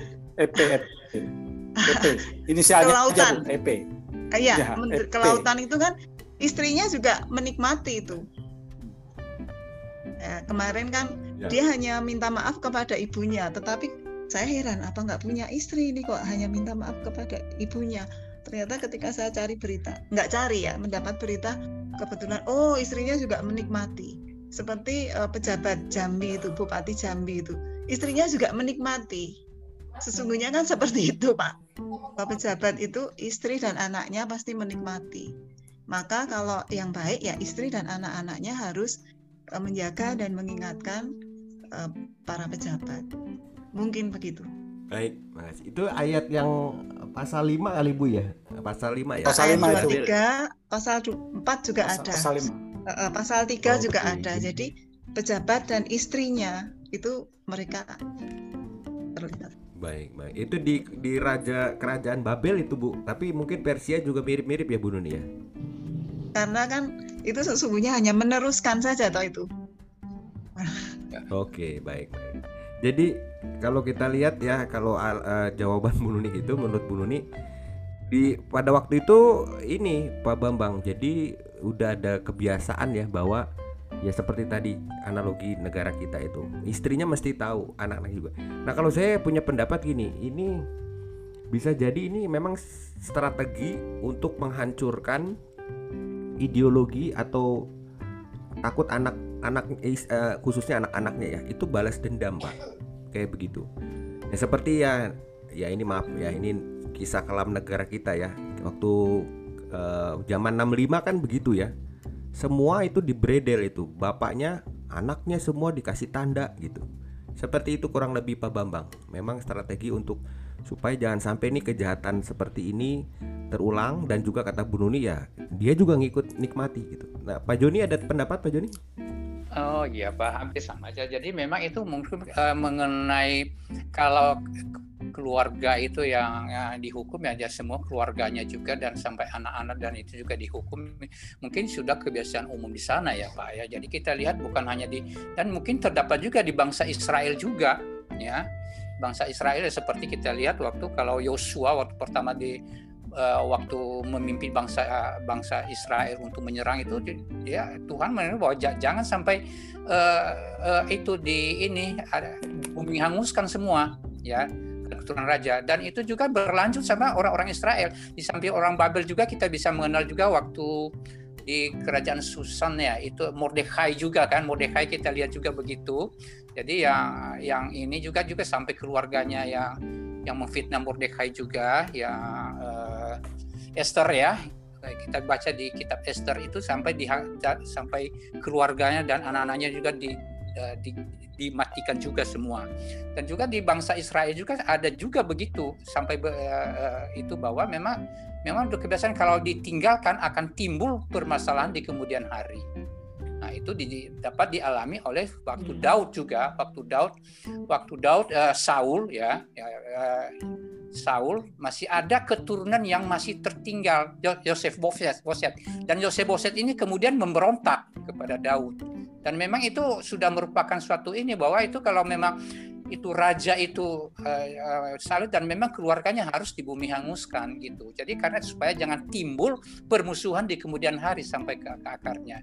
Mungkin itu mungkin yang boleh saya ini pak. Jadi mungkin sudah berlaku secara umum bukan hanya di eh, di bangsa-bangsa non Israel juga di bangsa Israel juga ada kejadian seperti itu. Terima kasih pak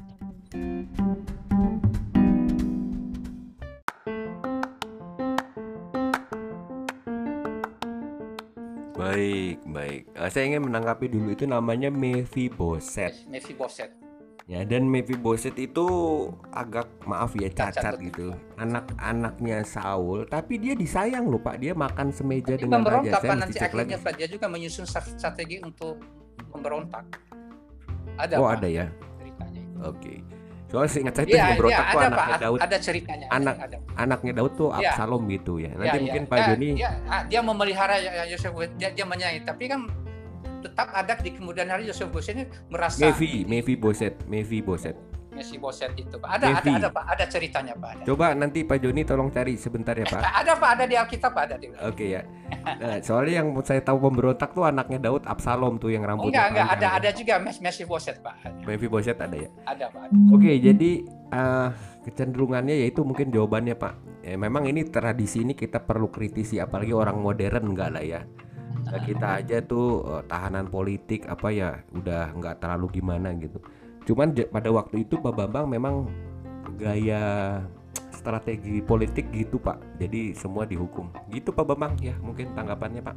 Ya Pak, mungkin karena zaman itu belum ada ini Pak Komisi HAM. betul betul. Aduh betul betul ya. Sadis itu memang ya. Oke, ya itu Israel juga Oke gitu. Pak, makasih Pak. Ya ya. Israel itu Amalek ya. Waktu Amalek itu mesti dibinasakan semua itu ya. Saul nggak membinasakan malah dihukum ya itulah. Iya. Betul Pak. Oke, kita bisa lanjut ke yang nomor eh, empat ya. Eh, sebelumnya saya bacakan dulu sebelum eh maaf nomor 5 ya. Sebelumnya itu saya bacakan dulu eh, maaf. Sebelumnya itu saya bacakan dulu yang nomor 4 ya. Jadi eh Oh, ini ada tanggapan dari Ibu Yanti menurut kebiasaan itu keluarga si pelanggar hukum harus ikut menanggung hukuman. Ini dilakukan agar di kemudian hari tidak ada masalah atau balas dendam dari pihak keluarga terhadap raja. Wah, ini dikasih ayat-ayat tuh. Bu Yanti sebenarnya juga menjawab itu ya. Eh, dari pertanyaan kita ini ya. Nah, kemudian eh, nomor ya eh, Pak Paulus menjawab di Nomor 4 itu Allah yang bekerja untuk keselamatan Daniel Orang menuduh dihukum Karena Mempunyai niat jahat. Oh. Oh jadi ini raja menurut Pak Paulus Raja Darius itu menghukum yang jahat ya. Lalu Ibu Momoy Raja marah karena telah dibohongi Dihasut untuk membuat surat perintah Supaya Daniel bisa dihukum. Ya jadi perpaduan ya, jadi pelampiasan, eh, ego, kemarahan ya. Dan juga mungkin kalau saya tulis di jawaban WA itu dia sikap adil ya. Raja lihat bahwa ya yang yang salah harus dihukum gitu. Oke, nomor 5. Menurut Anda apa perbedaan perintah maksudnya perintah Raja Darius ya di ayat 10 dengan ayat 27? Ya. Sekadar gambaran ayat 10 itu adalah perintah larangan ya untuk menyembah selain eh, Raja Darius. Tapi di ayat 27 perintah bahwa seluruh kerajaan yang kukuasai harus takut, orang harus takut dan gentar kepada Allahnya Daniel. Sebab dialah Allah yang hidup yang kekal untuk selama-lamanya, pemerintahnya tidak akan binasa dan kekuasaannya tidak akan berakhir. Nah, jadi bedanya apa nih? Silakan Pak Bambang dulu mungkin Pak Bambang. Kalau di ayat 10 ya, itu eh, di surat perintah rekayasa itu dibuat seolah-olah raja itulah yang paling tinggi. Kan dilarang juga itu menyembah atau berdoa atau memohon kepada dewa dan dan manusia kecuali kepada raja. Jadi raja itulah yang tertinggi. Nah, sedangkan di ayat 27 raja sendiri yang membuat peraturan, dia justru yang meninggikan Allahnya Daniel. Raja bukan yang tertinggi lagi. Di atas raja masih ada. Di ayat sebelumnya ada katakan juga bahwa bahwa yang berkuasa atas kerajaan itu adalah Allah. Dia yang bisa menunjuk uh, siapa rajanya, siapa ininya walaupun apa, tanpa tanpa minta apa istilahnya uh, pendapat orang lain, manusia-manusia gitu. Itu Pak. Ya, jelas ya. Saya setuju sekali. Jadi jawabannya singkatnya itu di ayat 10 raja memerintahkan untuk orang tuh melihat dia yang paling hebat. Tapi di ayat 27 raja sendiri dia memerintahkan bahwa ternyata yang paling hebat itu Allahnya Daniel ya Allah. Oke, jelas ya. Kita bisa ke pertanyaan aplikasi ya Ibu Bapak ya. Kita pertanyaan aplikasi yang pertama.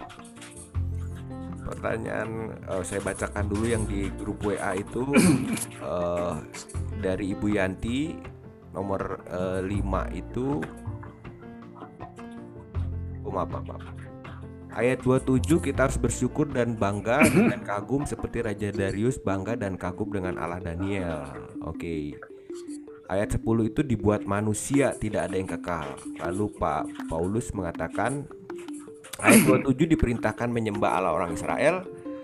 Ayat 10 diperintahkan untuk menyembah dewa-dewa ya dalam hal ini yaitu si raja itu. Bu Momoy nomor 5 Raja buat perintah karena sudah menyaksikan kuasa Allah langsung lewat Daniel Tapi ayat 10 Raja buat perintah karena dihasut sama para pejabat Nah ini bagus nih jawaban Bu Momoy ya. Jadi ayat 10 tuh karena hasutan Tapi ayat 27 itu karena dia udah lihat sendiri ya. Daniel selamat dari gua singa. Aplikasi nomor yang pertama ya ibu bapak ya. Uh, yaitu apakah Anda pernah mengalami kekerasan fisik atau verbal atau tekanan kebijakan gara-gara iman kepada Allah? Silakan yang mau berbagi siapa dulu? Ladies first deh Ibu Yulin. Saya jawabnya singkat aja enggak Pak. Oke. Okay, belum ya Bu? Belum, ya? Jangan belum pokoknya enggak enggak mau oh, juga. Iya, jangan sampai enggak ya, eh jangan sampai ya Bu gitu ya. Oke, makasih. Iya. Bu Nuni, Bu Nuni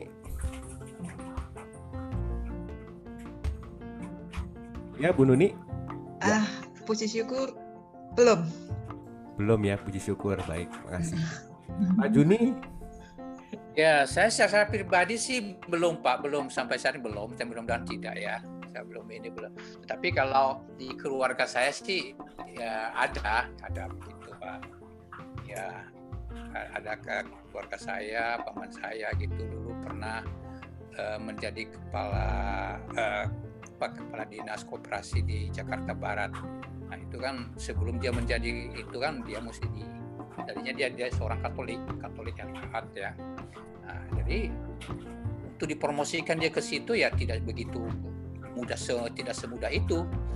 Dia harus ya bagaimana dia ini supaya berubah kepercayaan, merubah kepercayaannya dibawa ke istiqlal dan semacam dan berapa kali di screening dia untuk imam-imam itu berapa ya ini, ini supaya berubah supaya kalau mau menjabat ya istilahnya kalau mau menjabat itu harus harus dengan uh, agama okay. agama yang baru itu. Ya jadi sehingga jadi karena paman saya bertahan dia ya walaupun dia tetap di dilantik dia tapi tidak lama sesudah hanya sekitar tiga enam bulan ya enam bulan dia itu dicopot lagi. Ya udah memang udah su, sudah begitu kan dia dia rela dia daripada menjual daripada mendurhaka menjual agamanya ya lebih baik dia kehilangan jabatan. Tapi memang untuk diri saya enggak tapi di keluarga saya ada pengalaman itu pak terima kasih pak. Ya jadi pernah ada pengalaman juga. Pak Bambang?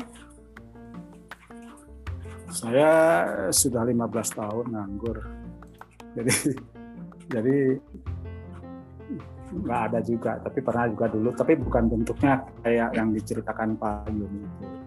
Jadi begini dulu waktu masih kerja itu kalau ada acara ceramah misalnya acara ceramah walaupun kita Kristen agamanya bukan yang akan diceramahkan itu kita wajib ikut duduk. Nah itu kan juga rasanya gimana? Karena ajarannya kan bisa bisa bisa bertentangan dengan ajaran kita gitu.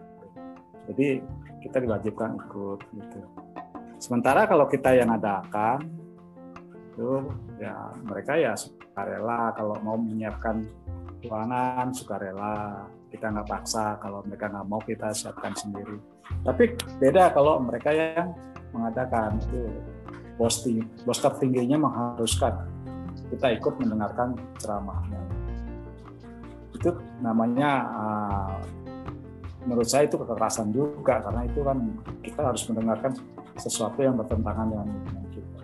Gitu Pak. Terima Baik, terima kasih ya pengalaman Pak Juni dan Pak Bambang pernah ya. Pak kalau Pak Juni saudaranya. Nah, saya baca di grup WA ternyata menarik nih Pak Paulus. Ini saya nggak hadir ya. Dia tulis dia pernah mengalami waktu jadi panitia pasca komisi anak. Nah, ternyata kekerasan verbal atau fisik karena iman itu bukan hanya dari yang beda iman ya.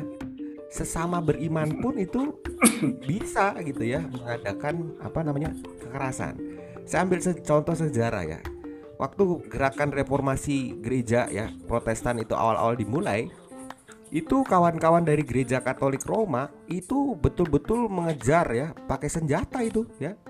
Kalaupun nggak mau kembali ya dihukum seperti begitu. Ya. Padahal sama-sama menyembah Yesus. Coba bayangkan ya. Jadi kekerasan atas nama iman itu nyata terjadi ya, ada sejarahnya. Dan kita ungkapkan di sini supaya artinya jangan sampai kita melakukan itu ya. Dan juga semoga kita doakan yang terus masih terjadi kekerasan atas nama iman ini ya. Jadi disabotase gitu karena iman ditekan sudahlah ya hentikan begitu ya dan kalau kalau kita lihat kalau mau diteruskan gimana? Akhirnya mati dimakan singa ya kan? Allah itu adil ya. Bahwa yang baik ya baik gitu.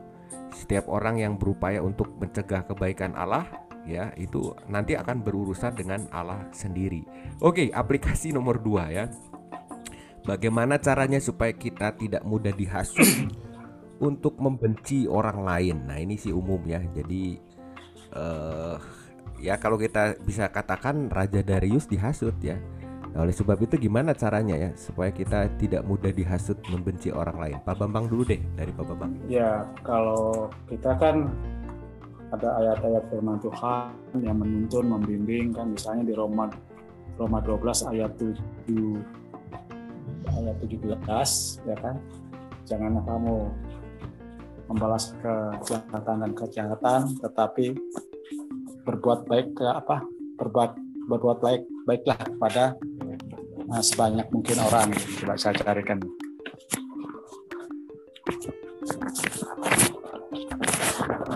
Jadi kalau kita selalu hafal dengan ayat-ayat itu kita juga akan ketika kita melihat orang itu kita juga waspada.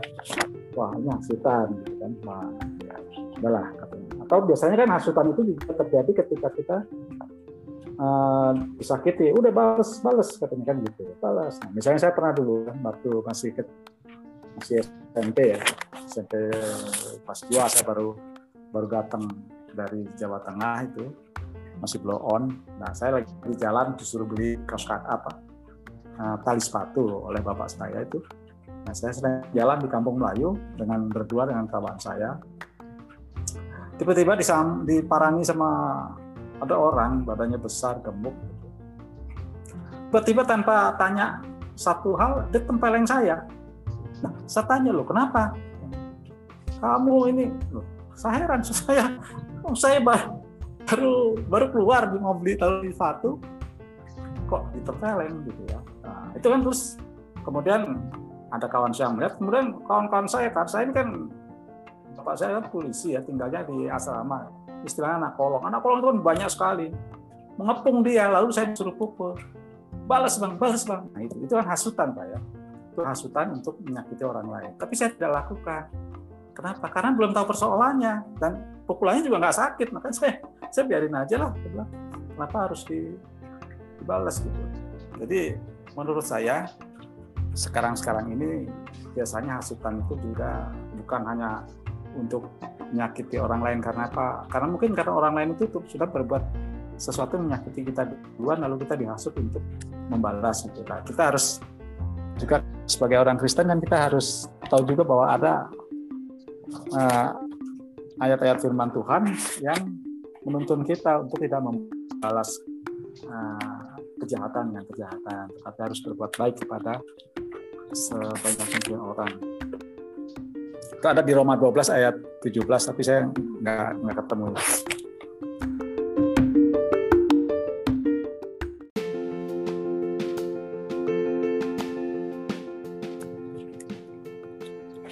Baik, makasih Pak Bambang. Jadi mengingat hikmat dari firman Allah ya, itu salah satu cara saya bacakan juga yang di grup WA yaitu Ibu Yanti mengatakan kita beriman tetap berdoa selalu minta Roh Kudus menolong agar terhindar dari hal yang tidak baik terutama agar tidak mudah dihasut.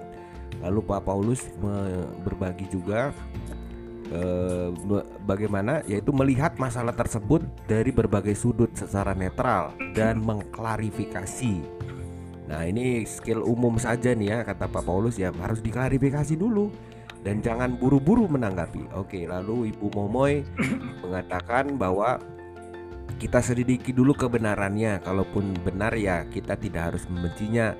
Kita nasihati dan kita doakan walau nggak gampang. Oh ya, saya ingin berbagi ya. Jadi kalau ibu bapak itu dapat di grup WA itu ya terkait peristiwa Sulteng itu sudah dikonfirmasi bahwa video itu hoax ya, bukan kejadian sebenarnya. Itu dari uh, ke, uh, perwakilan gereja Bala Keselamatan ya di sana itu itu bukan ya. Jadi makanya kita hati-hati, kita mesti klarifikasi. Ada misalnya keja ke kejadian di sana wah kita dibakar dihasut hati-hati klarifikasi dulu ya. Cek dulu kebenarannya seperti begitu. Makasih Pak Bambang. Kalau Pak Joni gimana? Pak Joni caranya Pak Joni? Ya mungkin caranya saya kalau memang begitu Pak yang saya mungkin saya mau ini. Pertama ya kita tetap meminta hikmat dari Tuhan ya itu yang perlu sekali yang yang yang lebih utama. Terus kedua ya kita tetap cross check pak masalahnya supaya kita apakah bagaimana. Jangan kita menelan mentah-mentah laporan itu kita harus melihat ke sisi lain. Jadi kita cross check cross check kebenarannya. Yang itu itu saya semua itu. Dan ketiga saya ada uh, satu ungkapan dan itu memang perlu saya uh, direnungkan bahwa katanya begini jadi jangan mengambil keputusan kalau dalam suasana marah jadi jangan kita mengambil suatu keputusan dalam suasana perasaan kita lagi sedang marah. Nah, kita belajar dari tadi pembacaan tadi bagaimana uh, tadi dari Ustadi waktu dia di apa tuh dihasut oleh petinggi-petinggi mungkin karena tidaknya saya tahu pada waktu itu pasti Daniel marah dia. Wah ini enak benar ini orang ini dia dia tidak menganggap saya. Sehingga dia mengambil keputusan yang terburu-buru dalam suasana marah. Jadi ada ungkapan itu, jadi saya membenarkan ungkapan itu dan saya memang akan selalu mengingat jangan mengambil keputusan dalam suasana marah. Mungkin hanya tiga itu yang saya bisa ini Pak satu, satu hikmat itu yang paling penting. Terus kita cross check kebenarannya, apa apakah memang itu sesuatu uh, yang benar atau dan memang kalau benar bagaimana sikap kita. Kita selalu dilandaskan kepada uh, minta Roh Kudus. Dan ketiga itu yang saya melakukan itu bahwa kita jangan mengambil satu keputusan dalam keadaan suasana marah karena tidak akan baik uh, akibatnya. Pasti ada sesuatu yang salah. Itu aja Pak, hanya tiga poin itu yang saya mau bagikan ya Pak. Terima kasih Pak. Terima kasih, terima kasih Pak. Ibu Yulin bagaimana Bu Yulin? Hmm, ya sama aja mereka pada bijaksana semua kok jawabnya ya kita memang um, harus meneliti dulu kebenarannya. Dan itu memang perlu hikmat. Ya uh, kita perlu hikmat dari Tuhan. Ya, saya lagi nyari ayatnya di mana salah atau di mana ya. Uh, barang siapa yang kekurangan hikmat mintalah kepada Tuhan. Jadi memang kita perlu hikmat dari Tuhan supaya kita juga bisa mengambil keputusan bijaksana ya, orang dan seperti eh, kita bisa mengambil pengalaman dari Raja Darius ini kenapa dia mudah terhasut? Ya karena tadi yang saya sudah sebutkan ada egonya. Ya, kita harus membuang ego itu. Jangan terpancing eh, dengan kedudukan kita misalnya sebagai apa gitu sebagai pemimpin sebagai bos di perusahaan merasa diangkat-angkat sedikit uh, lalu mudah terhasut gitu. Jadi ya itu juga kita harus ya, minta hikmat dari Tuhan lah ya supaya kita bisa mengambil satu tindakan yang bijaksana. Itu aja Pak. Terima kasih ya.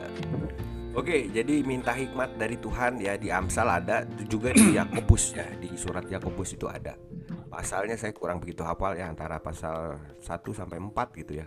Begitu baik Bu Yulin makasih Bu Yulin hikmat itu penting ya betul. Makanya itu yang diminta Salomo ya. Uh, ditawarin mau minta apa? Waduh enak banget. Tapi Salomo minta hati yang faham menimbang perkara. Itu penting memang. Apalagi kalau kita dipercaya untuk jadi seperti Raja Darius ya. Bertanggung jawab terhadap banyak orang ya mesti minta hikmat. Bu Nuni silakan Bu Nuni Oh, nggak ada yang lain Pak sama intinya. Terima kasih. Baik, kita ke pertanyaan berikut yaitu pertanyaan aplikasi nomor 3. Ya, gua lagi nih. Jika Anda mengalami penderitaan gara-gara orang lain, apa yang Anda lakukan dalam menghadapi penderitaan itu? Nah, kita kalau kita jadi di posisinya Daniel kan begitu ya. Kita pernah nggak tuh? Terus kita melakukan apa? Ya, silakan Bu Nuni dulu, Bu Nuni.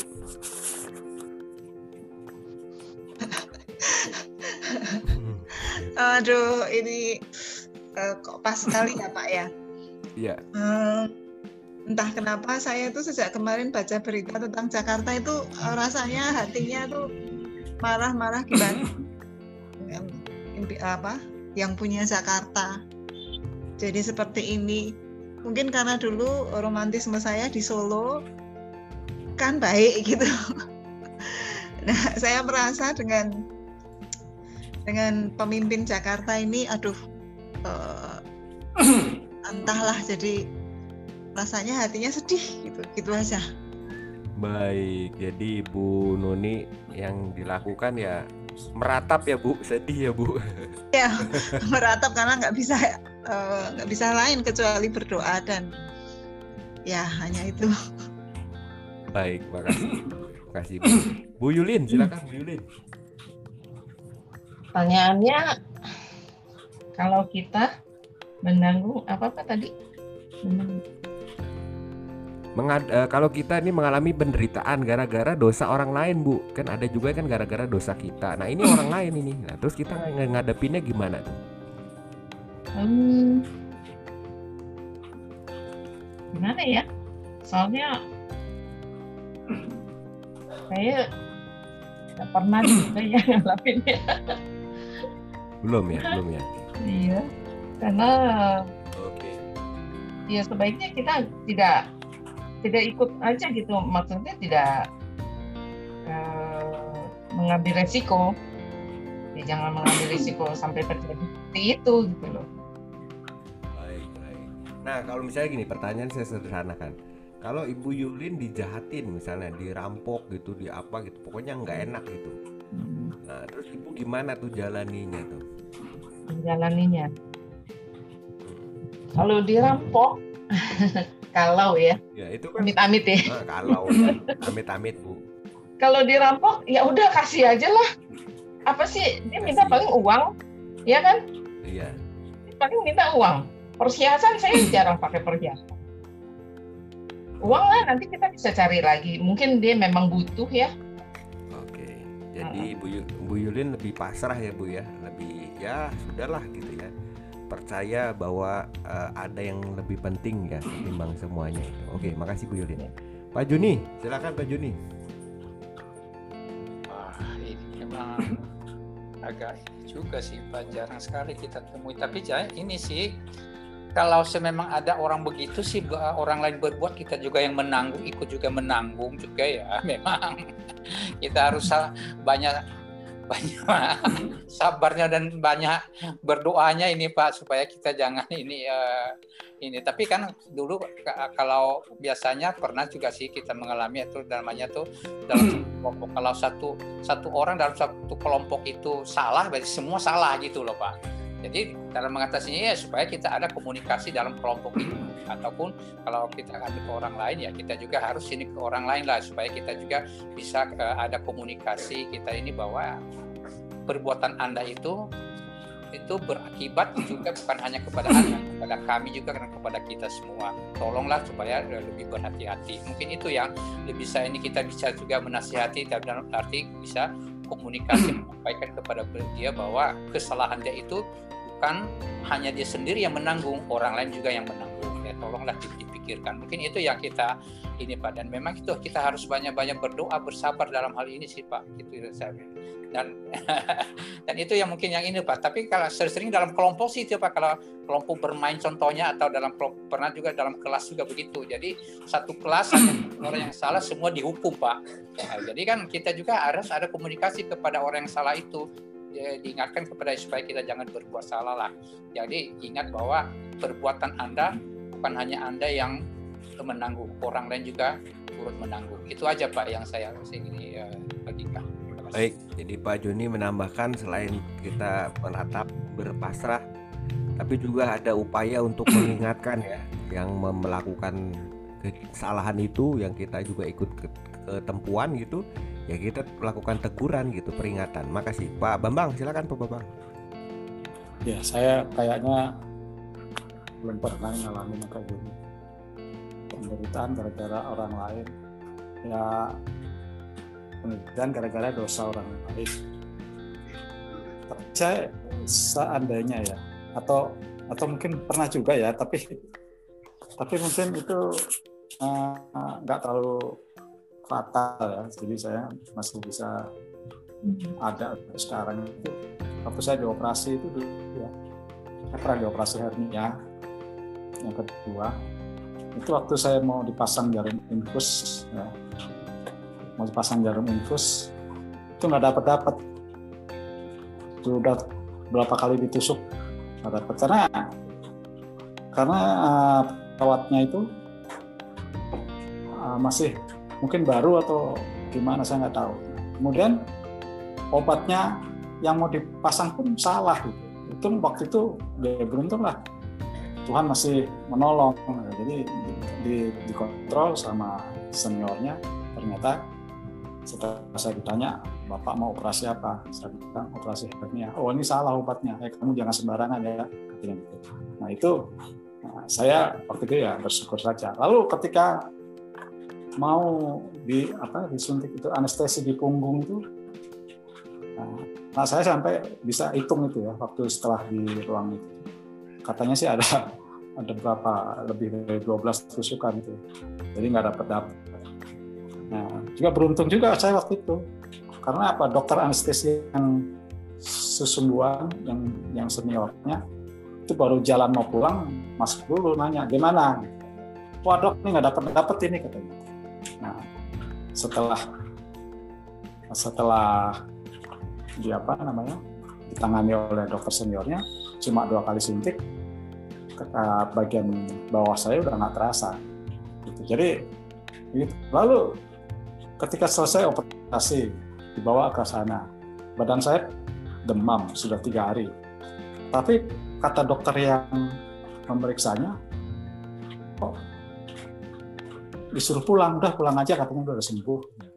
Tapi beruntung lagi ada suster senior rupanya situ. Wah jangan pulang ini ini panasnya masih tinggi katanya gitu. Nah kebetulan waktu itu waktu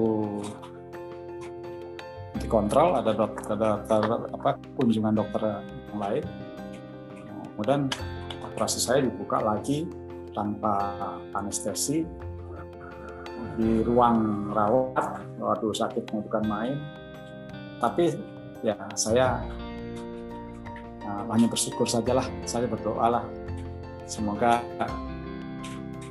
apa namanya semuanya eh, berjalan dengan baik gitu. Jadi tapi itu masalah-masalah kecil. Kalau yang gede saya nggak tahu belum pernah. Jadi ya sebetulnya kalau menurut saya kalau kita menderita gara-gara doa, doa apa dosa orang lain ya kalau kita menyalahkan orang yang berdosa itu juga percuma dan nggak ada juga bukan bukan tabiat kita sebagai orang yang percaya sama Tuhan sebagai orang yang percaya sama Tuhan kita percaya kepada kekuasaan Tuhan, kasih sayang Tuhan. Walaupun diapain juga kalau Tuhan belum belum waktunya, kalau Tuhan mau sembuhkan sih sembuh aja. Gitu. Ya lebih baik kita mendoakan yang baik-baik saja kepada orang yang berdosa itu. Gitu Pak.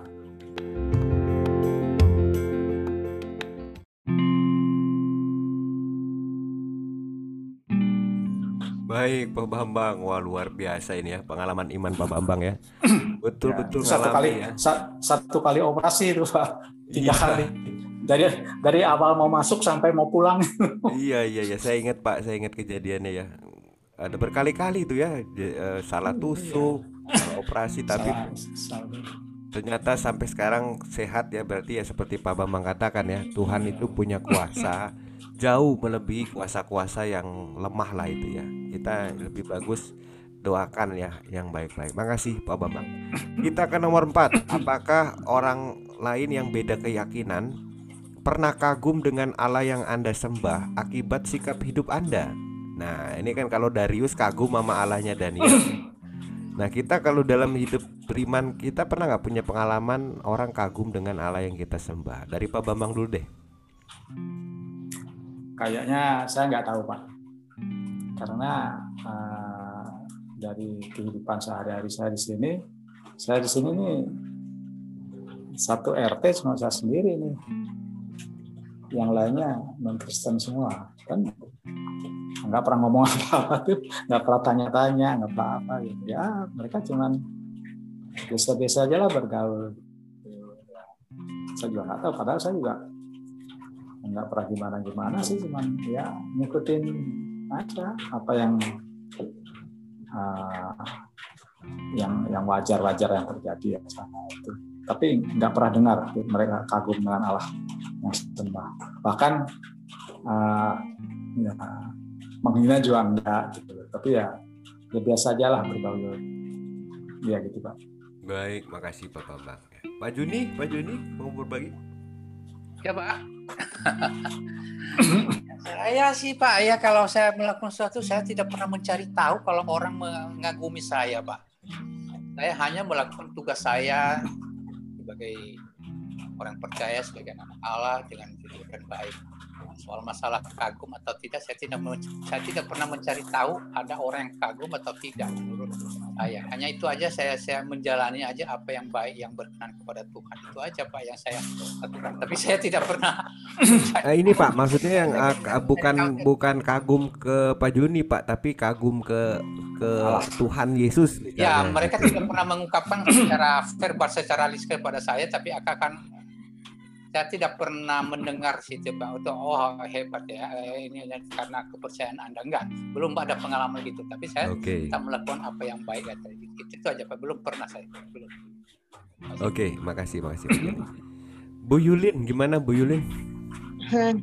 Ya kalau kita lihat dari cerita uh, apa bacaan kita malam ini mengenai Daniel memang Raja Darius itu kagum terhadap Allahnya Daniel. Itu kenapa? Karena Daniel sudah mengalami hal yang uh, gitu loh, yang yang seperti ya uh, di, dibuang ke gua singa. Nah itu baru ada uh, kekaguman setelah itu. Tapi kalau kita dalam kehidupan kita sehari-hari kita tidak mengalami hal seperti itu ya memang kita nggak akan menemukan hal-hal seperti itu. Paling paling kita ya seperti Pak Bambang dan kita semua alami ya kita harus uh, berusaha menjaga iman kita aja. Karena kita tahu di di uh, negara kita ini kan mayoritasnya kan bukan Kristen.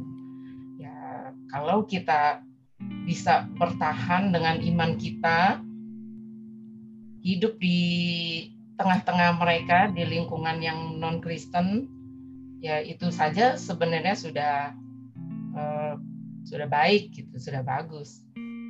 Saya pun mengalami hal itu. Ya hidup di lingkungan yang non Kristen uh, customer saya semua bukan semua mayoritas memang non Kristen tapi mereka semua baik gitu.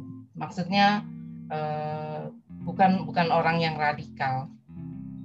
Dan saya bersyukur uh, dapat melayani mereka karena uh, kalau kalau mereka radikal mereka nggak akan bertransaksi dengan saya. Jadi uh, ya kita harus uh, menjaga iman kita. Nggak nggak perlu berlaku ekstrim gitu. Nggak perlu uh, menunggu kejadian-kejadian yang ekstrim seperti yang dialami Daniel. Tapi uh, ya kita jalani aja uh, berusaha membawa nama Tuhan dengan baik.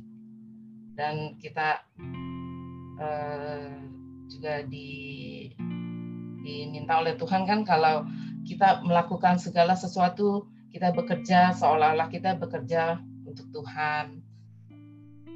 ya, sama seperti yang saya saya apa uh, uh, terapkan ya setiap hari sehari-hari dalam kehidupan kita sehari-hari uh, kita bertransaksi berdagang seolah-olah kita lakukan itu untuk Tuhan siapa pun yang datang customer meskipun anak kecil sekalipun saya layani sama gitu. Orang Kristen atau non Kristen saya layani dengan uh, sama memberikan harga yang sama dan uh, uh, saya perlakukan dengan sama ya tanpa tanpa membedakan ya. Karena kalau saya berikan keistimewaan khususnya untuk yang Kristen memang mereka ada customer saya yang merasa kita kan orang Kristen sama-sama orang Kristen gitu. Jadi mereka seolah-olah minta minta keistimewaan dalam uh, pelayanan gitu. Uh, tapi saya saya berusaha untuk berlaku adil lah ya. Kalau saya bedakan nanti mereka pasti iri gitu. Dan mereka justru akan uh, akan uh, mencela saya ih orang Kristen malah kalau ketemu sama-sama Kristen beda gitu kan. Malah kita uh, mempermalukan nama Tuhan sebenarnya ya. Kalau kita uh, berusaha untuk untuk memuliakan nama Tuhan, ya kita harus begitu, kita harus adil. Ada juga ya uh, yang datang anak-anak ya, pesan kue, saya tetap harga harga sama dan saya kasih kualitas yang sama gitu. Karena uh, saya juga takut jangan-jangan ini juga apa malaikat Tuhan yang menyamar atau seperti apa gitu ya.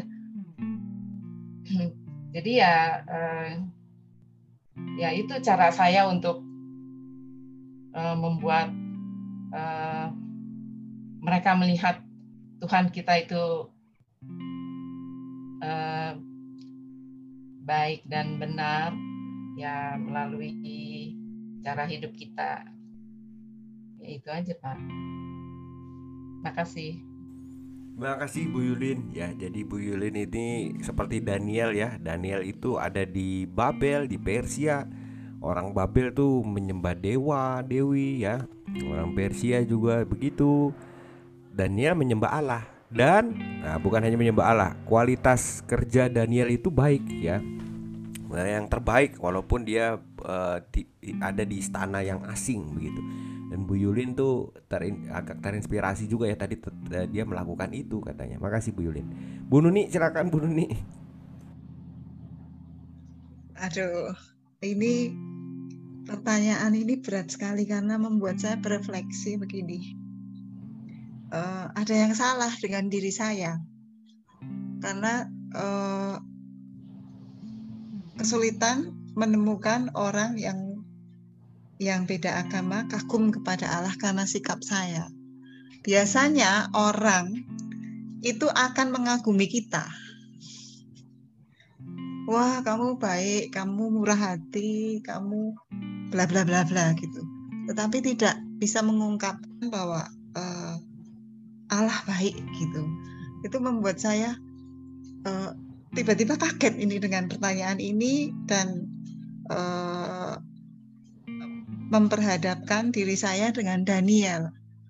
Karena itu berarti bahwa uh, belum ada sikap yang katakanlah uh, lugas belum ada sikap yang uh, uh, frontal katakan gitu ya yang menunjukkan ini gitu. Walaupun memang tadi Bu Yuli mengatakan kan nggak uh, bisa karena uh, apa namanya Daniel menghadapi uh, uh, artinya begini karena tidak ada peristiwa spektakuler seperti Daniel yang dimasukkan ke gua gua singa dan selamat atau uh, Hanaya uh, dan dua orang temannya masuk ke dapur api dan selamat gitu. Itu itu hanya apa ya? Itu hanya uh, semacam uh, peristiwa yang uh, klasik waktu itu ya. Kalau kalau kalau mau dicari uh, perbandingannya sesungguhnya pasti ada peristiwa yang yang spektakuler seperti itu di zaman sekarang ya uh, uh, uh, apa namanya bukan berarti harus dalam bentuk fisik nyata seperti itu. Tetapi itu menunjukkan bahwa saya jadi sadar oh ya uh, apa namanya berarti selama ini ada yang salah dalam hidupku. Karena orang tidak bisa mengungkapkan kekagumannya kepada sang pencipta, kepada sang pemilik hidup dari hidup saya gitu aja. Ya memang orang mengatakan oh kamu baik, kamu gini gini gini gini. Tapi kan eh, sesungguhnya yang melakukan semuanya itu kan Allah dan tujuan akhirnya sesungguhnya Allah yang dipuji dan dimuliakan. Kalau itu belum terjadi berarti ada yang salah. Saya tidak mampu seperti Daniel. Daniel ini hebat. Baik, terima kasih Bu. Ya, uh, itu dia refleksi buat kita semua juga ya. Bagaimana nanti akhirnya Tuhan dimuliakan. Ya seperti Yohanes Pembaptis kan ya. Nah, nanti dia menunjuk pada Yesus gitu. Biarlah nah itu yang Ibu Nuni katakan itu jadi penutup buat kita uh, bahwa Daniel ini kita lihat kehebatan imannya, biarlah kita juga terinspirasi untuk mengikuti ya apa yang baik-baik dari Daniel ya dari Raja Darius uh, uh, belajarlah banyak hal begitu. Demikian PA kita malam ini Ibu Bapak ya. Kita bisa akhiri dengan doa ya. Mari kita sama-sama berdoa. Bapa di dalam kasih Yesus, kami bersyukur boleh melihat anakmu Daniel yang engkau percaya untuk hidup di dalam keadaan yang asing, tapi Allah tidak menjadi asing baginya. Dia terus jalin relasi yang dekat denganmu Kuatkan kami juga untuk terus jalin relasi dengan Tuhan dalam berbagai keadaan, khususnya dalam menghadapi pandemi ini, dalam menghadapi situasi sosial politik, dalam menghadapi pekerjaan sehari-hari. Kuatkan kami untuk terus berpaut pada hikmat-Mu, sehingga kami pada akhirnya boleh menunjukkan betapa Engkau berkuasa dengan kasih-Mu melalui sikap hidup kami. Ampuni dosa dan salah kami, dan kami juga serahkan istirahat kami malam ini sehingga esok kami boleh bangun dengan kekuatan yang baru dari Tuhan yang juga kami boleh isi dengan berbakti bersama dengan umat Tuhan dan juga ada dalam kesarian hidup kami hidup dalam terang hikmatmu dan dalam jalan damai sejahtera di dalam Yesus Kristus kami mohonkan ini semua amin Terima kasih Pak Esi, terima kasih semua. Terima Selamat malam. Terima kasih. Selamat malam Pak Esi. Selamat malam semuanya. Ya, sampai ketemu.